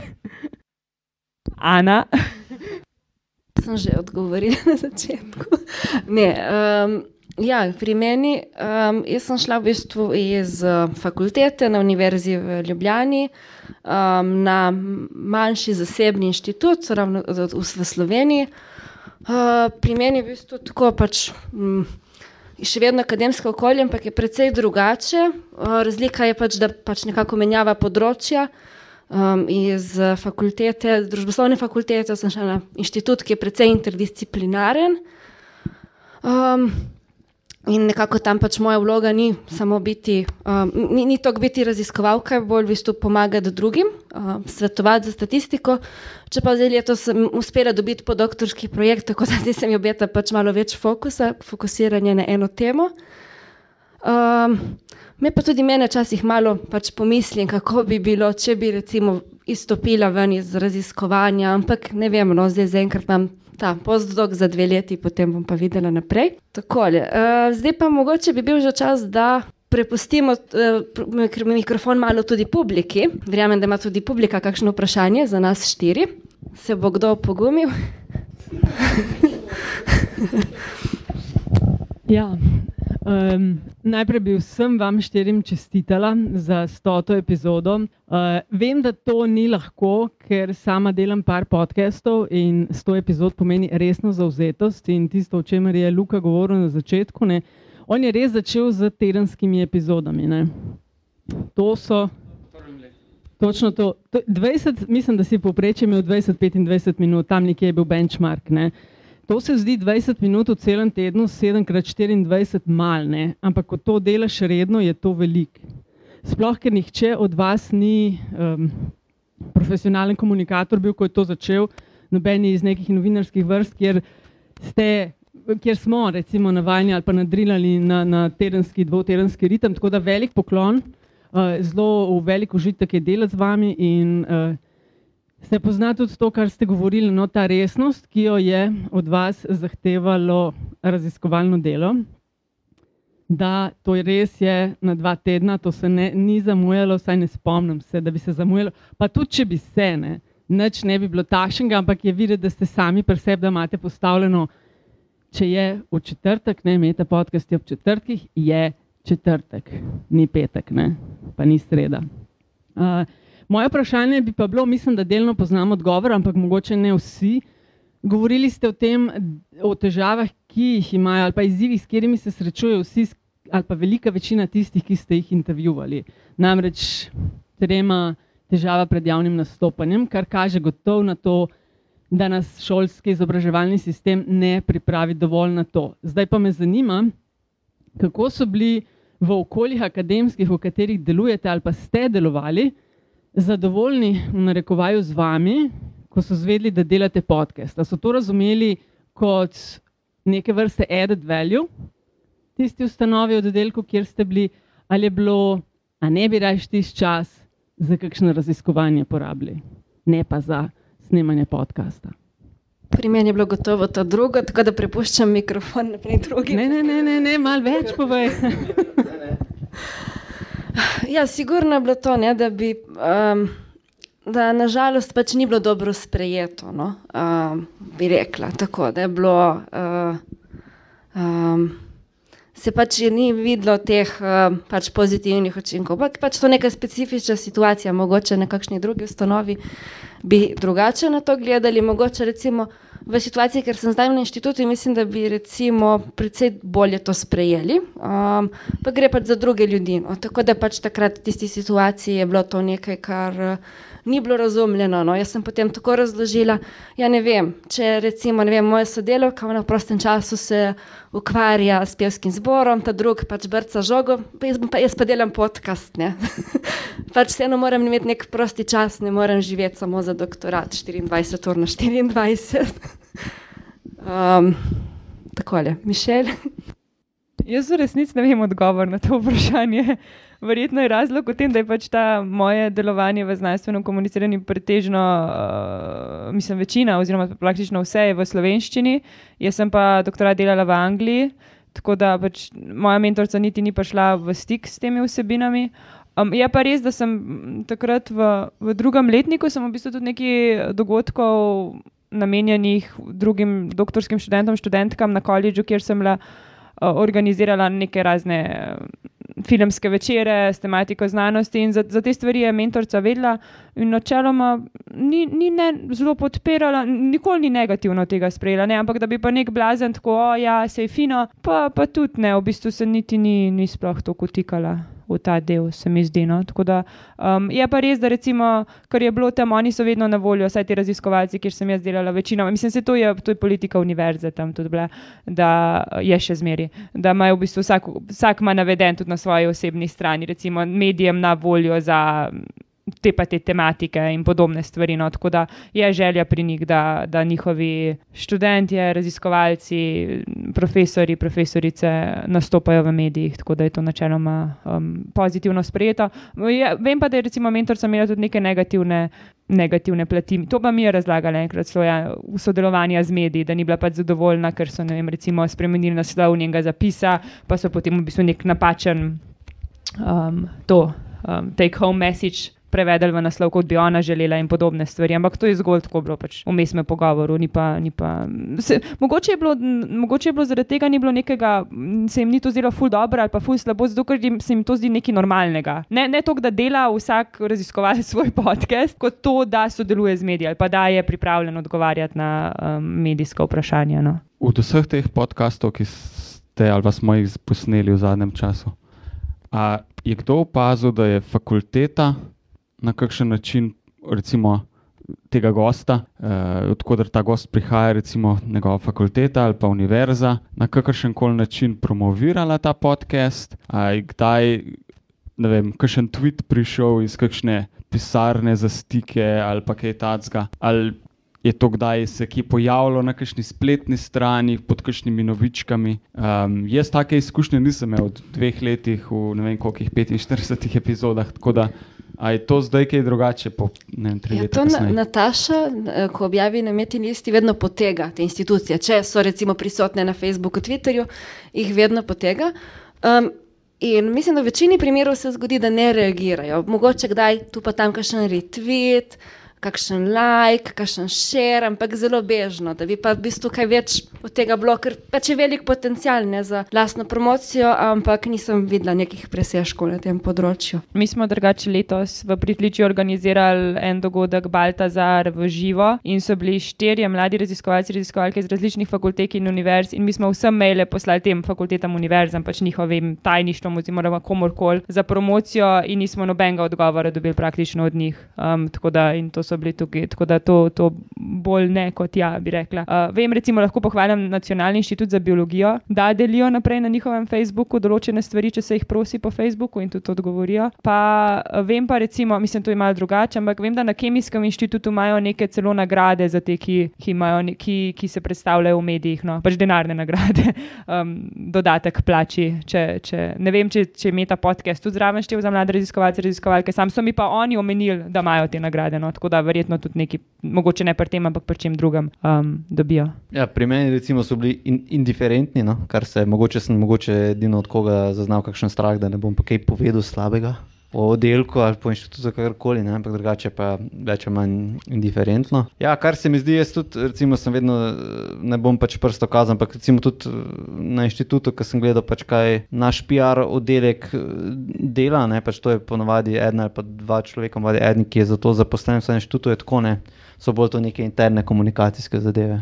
Pač, um, ostalo zelo veliko sami del, recimo, ko sem se pogovarjal s Humarjem, um, pač tem fizikom, ki pač ima zdaj svoj laboratorij, ki je bil direktor skladne, ki pač laserjev celice, pa tako, ki je objavil tudi na, um, mislim, njegov, njegova slika, v bistvu, ki je sam zrenderiral, je bila pač na prvi strani uh, Nature. -a, In pač, ko smo se mi pogovarjali, se kot da je pet, prosim, da ga ima na kosilo, a ne to je bilo čisto izven meta, pa kaj ste rekli, jaz sem to vse poštimo sam. Jaz sem naredil full hood render. Pač pravi tako izjavo, jaz sem, jaz sem še vmes v tem glasilu Jožefa Štefa napisal, da sem jaz to treniral in jaz sem naredil res enostavno za njih, da so to objavili, da je bilo to res full objavljivo. In um, Kuk je pač mogel sam narediti za to, noben ga ni pobaral. Tudi, recimo, kar se tiče kemičnega inštituta v Sloveniji, zagotovo je korak pred ostalimi, ker tudi imajo neko znanje o PR-u, ko zaposleno, ki pač se trudi in to se tudi pozna. Ker, ker ona je ta, ki to proaktivno um, objavlja oziroma pripravlja vsebine, zato da je to unmo, pač novinarjem, ker novinarji tudi imajo delo. Pač, če jim ti pripraviš neko novico, fulepo, on ima manj dela, nekaj je objavil, ne? win-win. Um, tako da pač tega se je treba um, zavedati. Da tukaj se mi zdi, da to sploh ni na radarju, po moje, starejše pač generacije, ne? ta znanstvena komunikacija, zakaj bi to sploh bilo uh, treba početi ni, nobene, mislim, ni nobenega vzvoda, zakaj, zakaj bi bilo to dobro. Um, jaz sem včeraj prišel iz Amerike, bil sem v, v Houston Medical Centru, to je največja, uh, največji konglomerat uh, bolnic na svetu, verjetno.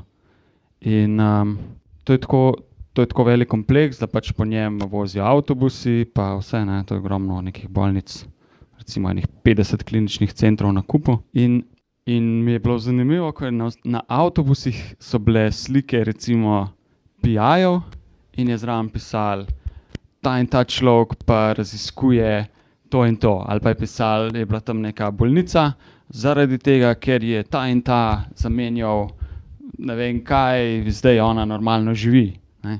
Skratka, ta reinforcement teh dobrih, pa to, kako to uspejo spromovirati na, na steni avtobusa, ne, to, je, to je res neverjetno. Ne. Um, tudi uh, ta boj za dobre študente, ne, vsi vemo, um, je pač tako od- odprt. a ne.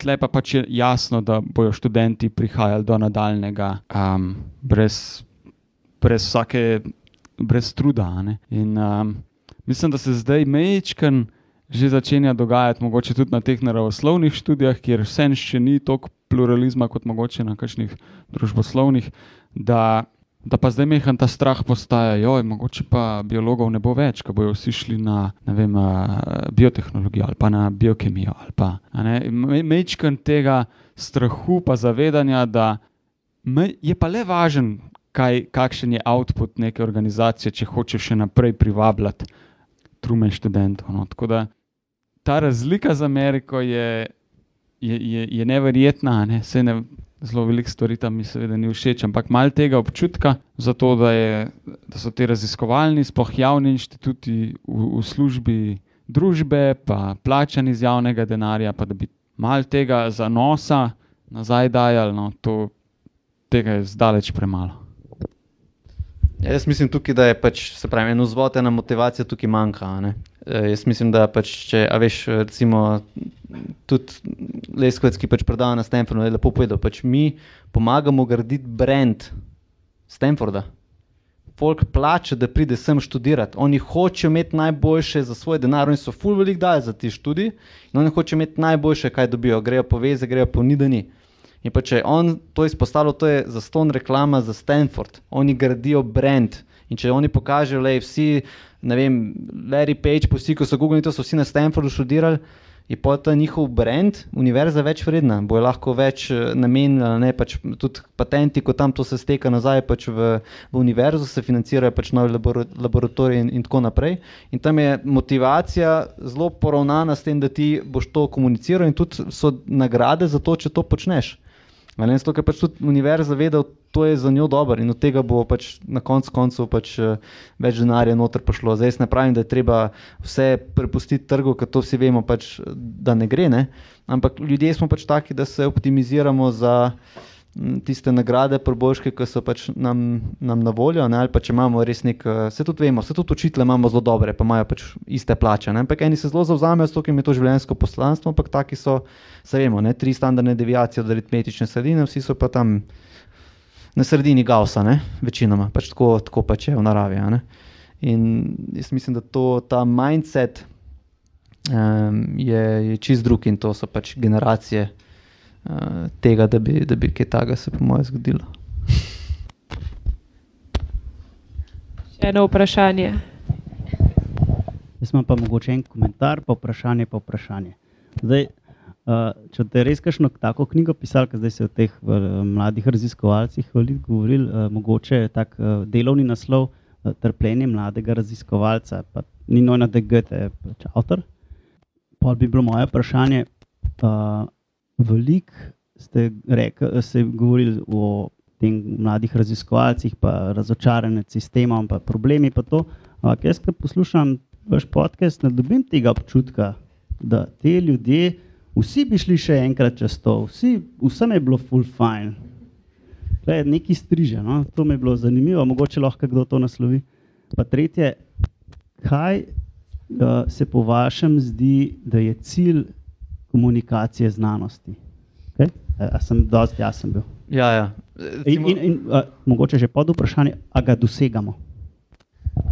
Na zadnji odgo- odgovor ne, ne. po mojem ga, ga ne dosegamo. Potem pač tudi, veš, če se ti prijaviš na nek projekt, recimo obzorja 2020, je znotraj projekta je nekaj, kar se reče dissemination.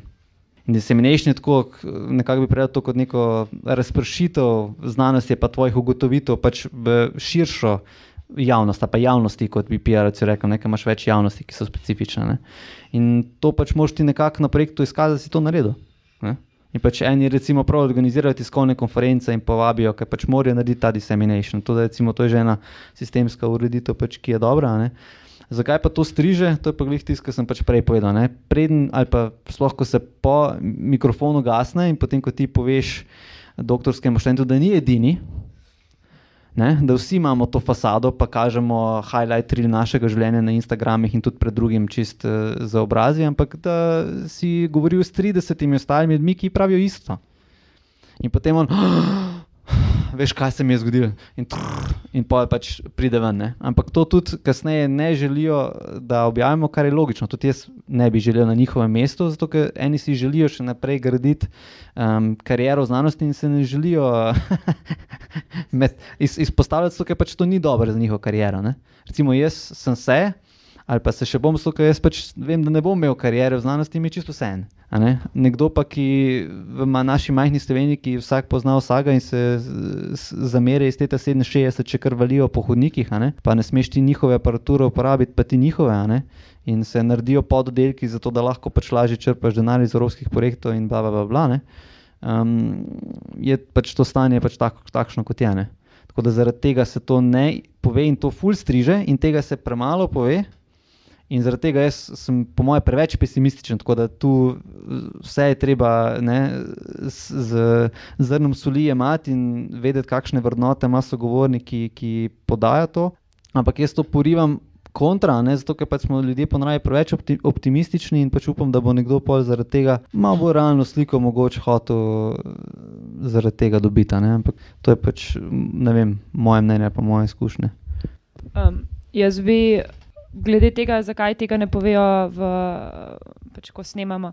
Ena stvar je, da kar nekaj je bilo, vsaj moj, po mojih izkušnjah, ljudi, ki so bili v resnici zelo zadovoljni na doktorskem študiju in so res padali v neko skupino, s katero so se zelo razumeli. In jim je šlo fino, in tudi očitno jih naprej ni skrbelo, ker, kot sem omenila, so mentori in mentorice jih že vprašali, kaj pa misliš naprej, in so jim bili pri, pri tem tudi pripravljeni malo pomagati, oziroma jih usmeriti na nek način. To je bila ena skupina ljudi. Ene par, par jih je bilo, v bistvu to je bilo v nekem obdobju, ko sem tudi jaz. Zdaj sem razmišljala, vse čas, ko je Mišel govoril, kako se reče regret v slovenščini. Obžalovanje, ker sem jaz tudi obžalovala svojo odločitev, da sem delala doktorat. In sem tudi potem pač tiste ljudi, ki so imeli malo bolj negativno videnje doktorata, vprašala o tem. In jih je večino reklo, da pač sej, sej ni nad za obžalovati, zdaj smo že vem, tretji, četrti letnik tik pred oddajo, zdaj bomo pač zaključala. Ne? Da v bistvu se nekako soočijo s tem in se jim to kar zdi v redu, imajo kakšne negativne izkušnje, ki so jih tudi omenili ampak nekako grejo naprej. Ne. Potem tisti, jaz pa res, da moram reči, da v teh, ne vem, koliko sem sicer posnela, res teh epizod, ene mogoče 15, verjetno malo manj kot 15 do zdaj. Um, nisem imela pa res nobenega, ki bi, ki bi zelo negativno gledal in se zelo bal pač svoje prihodnosti tudi na nek način, oziroma bi to izpostavili, razen v primerih, ko so pač povedali, da v Sloveniji nimamo nekako urejeno, kaj sledi po mladih raziskovalcih, oziroma da imamo visoko financiranje za mlade raziskovalce, raziskovalke, potem pa uh, to financiranje pade. Eh, za podoktorske projekte. Um, so samo ta del omenila, ni pa to v bistvu uničilo njihovega študija ali pa kakorkoli zaključevanja doktorata. No, take tri izkušnje, recimo, sem jaz nekako uh, dobila. Uh, kaj je bilo drugo? A ja, znanstvena komunikacija, kaj je smisel znanstvene komunikacije? Kaj mislite? Ja, jaz sem nekako. Um, ja, cilja verjetno ne, ne dosegamo. V bistvu, jaz sem o tem dosti premišljala, ko sem premišljala, ko sem začela svoj doktorat, ker me je v bistvu zanimalo tudi, kako sploh mi ljudje razvijamo znanstveno mišljenje, kaj to sploh je. In na nek način sem, še, še mi še vedno zdi, da najbolj pomembno, kar lahko poleg tega, da predstavimo samo odkritje, je tudi to, da na nek način pokažemo ljudem, kako nekdo, ki dela v raziskovanju, se loti nekega raziskovalnega problema in da, da mogoče kako si zastaviti vprašanje, kakšne metode, da, da v bistvu krepiš svoje razmišljanje. Da se mi zdi, da tudi več tega bi moglo biti v, v znanstveni komunikaciji. Ravno zato se mi zdijo všeč kakšne zgodbe, kjer te vodijo čez ta proces tega razmišljanja. Tega, po mojem, ne dosegamo na ravni znanstvene komunikacije. In tudi mogoče vam sama malo težave, tudi ko govorimo o sami promociji znanosti in komunikacije. Um, Se razumem, da je treba promovirati naše um, ne vem, izume, pa naša odkritja, ampak na nek način jih je pa tudi treba nekako kritično ovrednotiti in po podati nek kontekst okoli, ker pa zahteva neko malce bolj konkretno znanje zadnji in tudi neko. Um, dejansko komunikacijo znanosti. No. Vsaj to tako jaz vidim, sam nimam pa dost velik uh, idej, pa zamisli, pa ne poznam dosti dobro tega področja samega komuniciranja znanosti. Ja, jaz bi k temu mogoče dodala še to, v bistvu to uh, vprašanje, ki ga je Roman postavil, s tem sva se že pogovarjala, takrat, ko sem ga intervjuvala. Um, v bistvu je bil res eden izmed redkih, ki je na vprašanje, ali bi se ponovno upisal na doktorskih študij, ki je pač na to vprašanje odgovoril negativno. In sva res takrat opažala, da dejansko v vseh prejšnjih epizodah so vsi rekli, ja, seveda bi se še enkrat upisal. Ampak mislim, da tudi tisti, ki so rekli, ja, seveda bi se še enkrat pisal, ne pomeni, da so videli vse pozitivno. Tudi pri njih so bile neke težave, ampak bi pa potem kljub temu mogoče se upisali, mogoče z, bi kaj drugače naredili, mogoče bi izbrali drugega mentorja ali kaj takega. Um, glede odgovora na vprašanje, kaj je namen smisla znanstvene komunikacije, um, sama se to kar. Zase to kar pogosto sprašujem, ker je moje področje, ne vem, mogoče sama tako vidim, mogoče se motim, malo specifično, ker nimam nekega vsebinskega področja, ampak moje področje je metoda. Torej, se nekako tako zelo splošno, zelo grobo rečeno ukvarjam s tem, kako. Kako nekaj raziskovati, kako nekaj pač, um, kako neko raziskavo izvesti, da, bo, da bomo prišli do čim boljšega rezultata. Tako da nekako moja publika so drugi raziskovalci. In se potem vprašam, ne, v čem je smisel, da recimo mogoče, ne vem, neka splošna javnost posluša in razume mojo znanost. Ampak mislim, da tudi to je pomembno, ker nekako cilj, smo recimo v 21. stoletju, cilj nekako je, da bi družba bila čim bolj izobražena, ne? zdaj pa če zelo en pogost izraz uh, citizen science, slovenščina se prevaja kot ljubit, državljanska, ljubiteljska znanost in nekako je, da bi vsak državljan bil nekako znanstvenik, tako da z tega vidika je mogoče moje področje, s katerim se ukvarjam, je pomembno, da ga tudi jaz seveda predstavljam, uh, tudi tistim, ki niso znanstveniki, ne samo, ne samo drugim raziskovalcem, ampak vsem. Jaz, recimo, ko sem o tem razmišljal, sem malo bolj tak pragmatičen tip, se, um, se mogoče že vidi. Ampak za mene je cilj čist, da gre ta informacija med čim več ljudi, da jih čim več doseže in potem tis, med tistimi ljudmi pa so po mojem, ne vem, ene dva ali pa tri pač razlogi, zakaj eno je čez um, davkoplačevalce to plačen, mislim, da ima pravico vedeti, zakaj pač je njegov denar um, bil porabljen. Drugo je pač to za nekoga, ki ga pač zanima, čisto iz radovednosti, mogoče kako zvezde umirajo in živijo in ugašajo in kako pač se tvorijo galaksije, ker je to čisto človeški duh je, ranove, je radoveden. Ne? Potem tretji so tisti, ki želijo mogoče to inovacijo spraviti v neko inženirsko rešitev in s tem dobiti neko konkurenčno pač prednost na trgu, kar je. Pošteno, ne, sej, tudi on je davkoplačevalec, je plačal za to raziskavo in je dostopno vsem. Ne. Članki pač naj bi bili um, dostopni.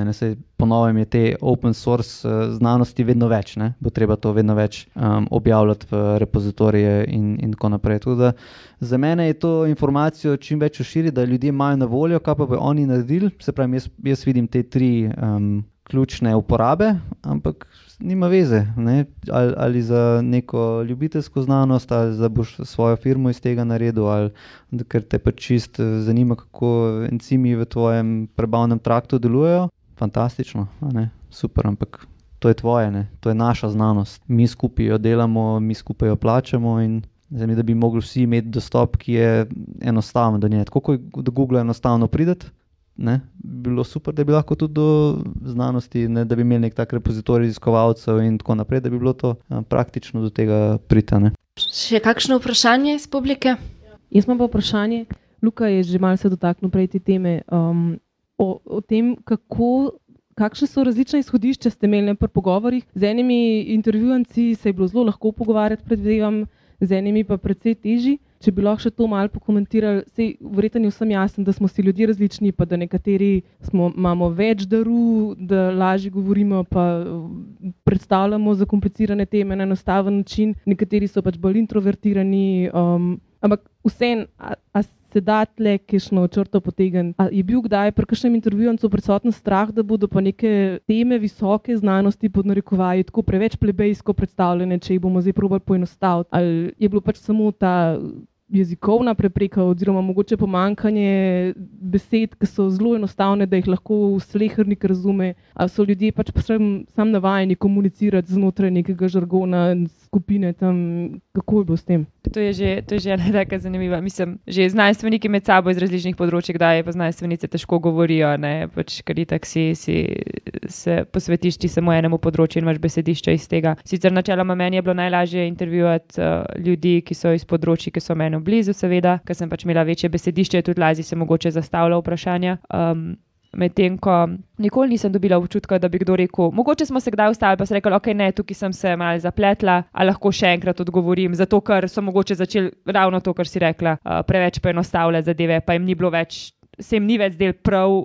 Da so to poenostavili, in smo pa probali še enkrat, kdaj se je tudi zgodilo, da smo se čisto ustavili v pogovoru, pa, pa smo probali bolj preprosto, pa politi nazaj na, na tisto, s čimer bi bilo njim v redu pač predstaviti to, kar delajo. Um, to so drugače moje izkušnje, drugega pa ne vem. Ne, jaz sem tudi imel podobno izkušnjo, tako da tudi, tudi, tudi to lahko rečem. Včasih sem jaz podal komentar, pa sem neko analogijo navezal, pa se ko jaz to prav razumem in sem bil zelo vesel, ko sem pravil, da ne to si bo preveč poenostavil in pa so oni prišli še, še z boljšo analogijo. Ne, to recimo, se mi zdi, da je neke analogije, ki jih vsi poznamo, zelo taka priročna bližnica do mogoče malo bolj razumevanja nekega, nekega koncepta. Tako da to, pri enih se da ful narediti, s tem, da pač prej se pogovarjaš o kuških, pa kaj so prejšnji dan delali, pa, pa takih zadevah in se pa zelo sprostijo, ali pa kako pivo odpreš zraven. Pri pa nekaterih pa ne gre, ne? Je, je preveč. Um, so pač bolj tisti podcasti, bolj pač kratki in, in jedenati. Kaj se meni tudi ne zdi slabo. No, ne? To je odraz tiste osebe, odraz pač pogovora je, je bolj jedenat, ga lahko pač mogoče v krajši vožnji poslušaš, drugače ga ne bi, ne? ker je 25 minut, pokaj pa vidiš, da je samo 15 minut, oh, super, to pa imam čas poslušati. Odlično. Tako da ljudje smo si različni, ne? imamo različne tudi um, govorne stile. Jaz, jaz zagotovo grem uh, marsikomu izjemno na živce. Mu pa slo, recimo od Zarja, pa a ne fulbol odgovarja. In, in, in tako, tako da um, se mi zdi, da lahko narediš maks, kar je tvoj moč, ampak na koncu sta dva, ki to ustvarjata in morata, ob... če sta oba ful igrana, je ful fajn poslušati, če pa pač nista, pa mogoče ni tako fajn. Ampak... Moja izkušnja je bila, da, je, da se je večkrat zgodilo to, da govorc ni hotel poenostaviti teme, kot pa, kot pa da je ne bi zmogel ali pa znal. Da je bilo po mojem bolj to izhodišče, da je to pač nek znanstven diskurs in da to bodo njegovi sodelavci poslušali, ne pa njegova mama, in da je bila to stopna, na katero so bili pripravljeni pristati. No, kako in, se pol tega v kontekstu komuniciranja znanosti lotiš? Ne, ja, dobiš drugega človeka. Komuniciraš to znanost, a zdaj pač recimo predpostaviš, da človek, ki je končal srednjo šolo, mora nekako razumeti, če, če ti nekdo na so razmeroma enostaven način pojasni lahko zelo kompleksne zadeve. Ja, zdaj, če... če se pa na drugi strani ta človek ni pripravljen na ta, na, na ta nivo spustiti, ne, kako se pa ločiš? Zamenjaš človeka. Ni druge. Zato, ker če to gre proti njegovi osebi, pač ne moreš se s takim človekom mentati. Zakaj so skozi eni isti ljudje na televiziji, pa na radiju, za kjerkoli znanstveno stvar? Zaradi tega, ker so to tisti ljudje, ki, do katerih so že prišli, pa so sposobni bili dati 8-sekundno izjavo, pa so zdaj na nekih seznamih in grejo pač spet do njih po to naslednjo 8-sekundno izjavo. Tudi drugi bi bili verjetno zmožni dati. Ampak ti nočeš je do treh ljudi najprej preveriti, da vidiš koliko so zavervani v svoje delo, pa bojo lahko povedali nekaj na, vsak, na nivoju vsakdanjega jezika. In, in, in to je ta problem. Ne? Mi bi mogli ogromno novih takih ljudi izbrskati. In jaz sem že opazil, da so se kakšni gosti podcasta polki pojavili, pa so kakšno stvar neki pokomentirali, zato ker so jih eni ljudje opazili, pa so rekli, da se ta zgleda čist normalen človek. Drugače pa pač un, un seznam treh, ki pač vejo vse o vsem. Tako da to je bolj vezano to je veliko vezano na osebnost, ampak to zaradi tega, ker te tehnike nihče ne poučuje. To je skill. Ta skill se da dobiti in se ga da natrenirati, ampak pač ga ne treniramo. Ne? In če ga ne treniramo, ne moramo pričakovati od ljudi, da ga bojo obvladali. Se pravi, edina možnost zdaj v resnici je pač poiskati take ljudi, ki to nekako naravno zmorejo. Če nimaš te možnosti, recimo to je fenomen interneta, če, če postaviš vprašanje neke forumu, se zelo lahko zgodi, da ne boš dobil nobenega odgovora. Če boš dal pa napačno trditev, ki bo odgovorila na to vprašanje, jih bo deset te popravil. In recimo, jaz pač moja metoda je taka, da če imam takega človeka, pa ne jaz pač eh, ponastavim, pol njemu gre to tok na živce, da me more popraviti. Ampak jaz dam jaz se potrudim, da tako vprašanje, ki ga v bistvu posredno prisili, da pač na to odgovori s tako analogijo, da je tako ponostavi, da pač lahko potem jaz razumem. Ne, tako da ga probam jaz tako nekako posredno zapeljati v, v tiste vode, ker pač ponovadi to pa jim gre na živce. Ja, to je super, pa res uh, vredno pohvale. Meni men je bilo pa to vedno naporno. Sploh zato, ker jaz sem doskrat še kar razumel v resnici kaj je, ampak sem vedel, da recimo eh, jezik presega vem, srednješolsko izobrazbo, kar je bil nekak cilj, vsaj moj cilj. In takrat sem rekel, pa dobro, jaz delam to zase, končajmo to, naslednji teden imamo eno super punco s FDV, to bo šlo super. To je bil moj pristop. Um, Ko v eni fazi, ne, mi nismo profesionalci v tem, v tem ključnem smislu, da smo za svoje delo plačani. In, in v eni fazi to delaš zase, zaradi tega, ker te všeč se s temi ljudmi srečevati. In če en pogovor ne steče, da ti boš živel s tem podcastom naprej, gremo dalje. Na koncu je bil zelo to moj pristop, ki mi je olajšal rednost uh, izdaj. Uh, jaz bom zdaj malo to obrnila. Mislim, kdaj je tudi preveč poenostavljanje neke znanosti lahko problem, zaradi tega, ker velikrat se zgodi v kakšnih bolj popularnih medijih, da napišejo nek naslov, o čemer sploh raziskava ni tekla dejansko. Ne. S tem se veliko srečujem, na, ko delamo novice, dnevne novice na um, radio študentov znanosti, ne, da v bistvu imamo neko veliko novico in preberemo pet različnih press releaseov in vsak malo drugače pove, potem še kakšne večje časopise in potem, če reko greš brati študijo, ugotoviš, o čem je ta raziskava dejansko šla, ker mogoče glavnih izsledkov sploh niso povzeli v tistih povzetkih. In to se zelo veliko dogaja glih zaradi tega poenostavljanja in v bistvu s poeno- s- s preveč poenostavljanja znanosti tudi znanost izgubi neko veljavo v družbi, ker ljudje nehajo zaupati. ne. Tako da je tanka meja, je, kaj je pa, kaj, pa tudi pri tem, ko delaš vsebine, zdaj jaz govorim bolj iz vidika. Ker delam na radiju študent, kot pa sam podcast, je vedno moraš oceniti, ne, ne smeš misliti, da tvoj poslušalec, poslušalka ne ve nič, hkrati pa ne moreš zahtevati, da ve vse o tisti temi, ki jo predstavljaš. In je res težko zadeti to linijo, kje, kjer je neko znanje, pa ga ne precenjuješ, ne pa tudi ne podcenjuješ. In meni men to še zmeraj ne gre. Mislim, jaz še zmeraj ne znam tega delati ne vem, kje je ta meja. Vem pa, da, oziroma bojim se pa, da znanost zgubi neko, neko, da ljudje za- zgubijo zaupanje v znanost, če vidijo iz iste raziskave dva čist nasprotna naslova v dveh različnih medijih, ne, ki predstavljajo isto stvar, do česar pride pri, pri, pri tem, ko po- povzem- povzemajo oziroma preveč posplošujejo neke rezultate raziskave. Ne, in, in proti temu, mislim, treba se je boriti za čim bolj kvalitetno komuniciranje znanosti, še vedno je pa treba sploh odločiti, kaj to sploh pomeni. Jaz mislim, da kot neka strokovna oseba, pa ni važno, si znanstvenik karkoli, je zelo dinamično, ravnomesno in zelo težko eh, paziti na to, da, da ne postaneš preveč zabavljača. Nekaj pa res eh, izgubiš to kredibilnost in pač ti nisi tam zato, pač, da tu recimo eh, je bilo meni izziv, recimo, ko so ti um, dogodki kot um, imaš te uh, znanstvene sleme, nekih znanstvene si organiziran in tam moraš malo privlačiti malo ljudi, da pač padejo malo v tvojo temo. Ne? In tam je bil kar izziv meni, kako naj zdaj to naredim privlačno, pa zanimivo, pa še vedno mogoče malo mal komično, brez da bom izpadel nek zabavljač, ki to pač dela tako za hobi, malo mal preveč. Ne? Tako da tu je neka linija, ki se je pač um, treba držati in zagotovo pod nek nivo se ne smeš spustiti, ker pač raz, razvrednotiš trud vseh ljudi, ki so vlagali, da so pač to naštudirali, pogruntali, predstavili. ne. A vzamemo še eno vprašanje, pa pa počasi. Ja, prej sem videla, da Matjaš je dvignil roko. Vmes sem razmišljal, da se ne bi javil, ker ste že preveč dolgi, se mi zdi. Boste imeli 100 minut za 100 oddajo. Bomo pa že kaj zrezali. Um, ja, hotel sem dati en komentar na tisto, kar se je dost um, pojavljalo o tem, da je dost ljudi negativnih, pa ne nujno pred mikrofonom. Ne. Vedeti morate tudi, da imate um, en sample študentov iz enega določenega obdobja, ki je najbolj stresno obdobje. Ne. In takrat so vsi najbolj pod stresom in najbolj negativni. Ne. In vam iz lastnih izkušenj in, od, in iz izkušenj mojih kolegov, tudi starejših, ki pač ti o pivu marsikaj povejo, tretjem, četrtem, šestem, vse vseeno, ne, um, da so praktično vsi šli skozi, skozi to, tudi taki, ki so zdaj na top pozicijah in top raziskovalci in jih vsi poznajo iz medijev in tako. ne. Tako da sigurno so, je sistem kriv za dost te negotovo, negotovosti pa stresa, ampak pač to je obdobje, ko smo vsi bili najbolj, jaz bom pustil vse, vključno z mano, ne. pa sem zdaj not. ne. Um, no, to sem hotel samo komentirati. No. Eno vprašanje je nujno. Če ne bi bilo nobenih omejitev, Luka, koga bi vabil na večerjo? da se ravno na to sem se hotela navezati, da imamo tudi uh, nekaj privriskov. Jaz bi se zahvalila vsem, ki ste prišli sem. Nauk te zgodbe ne vrzi puško v koruzo, ko delaš doktorat, očitno. Pa jo, pa zgodaj.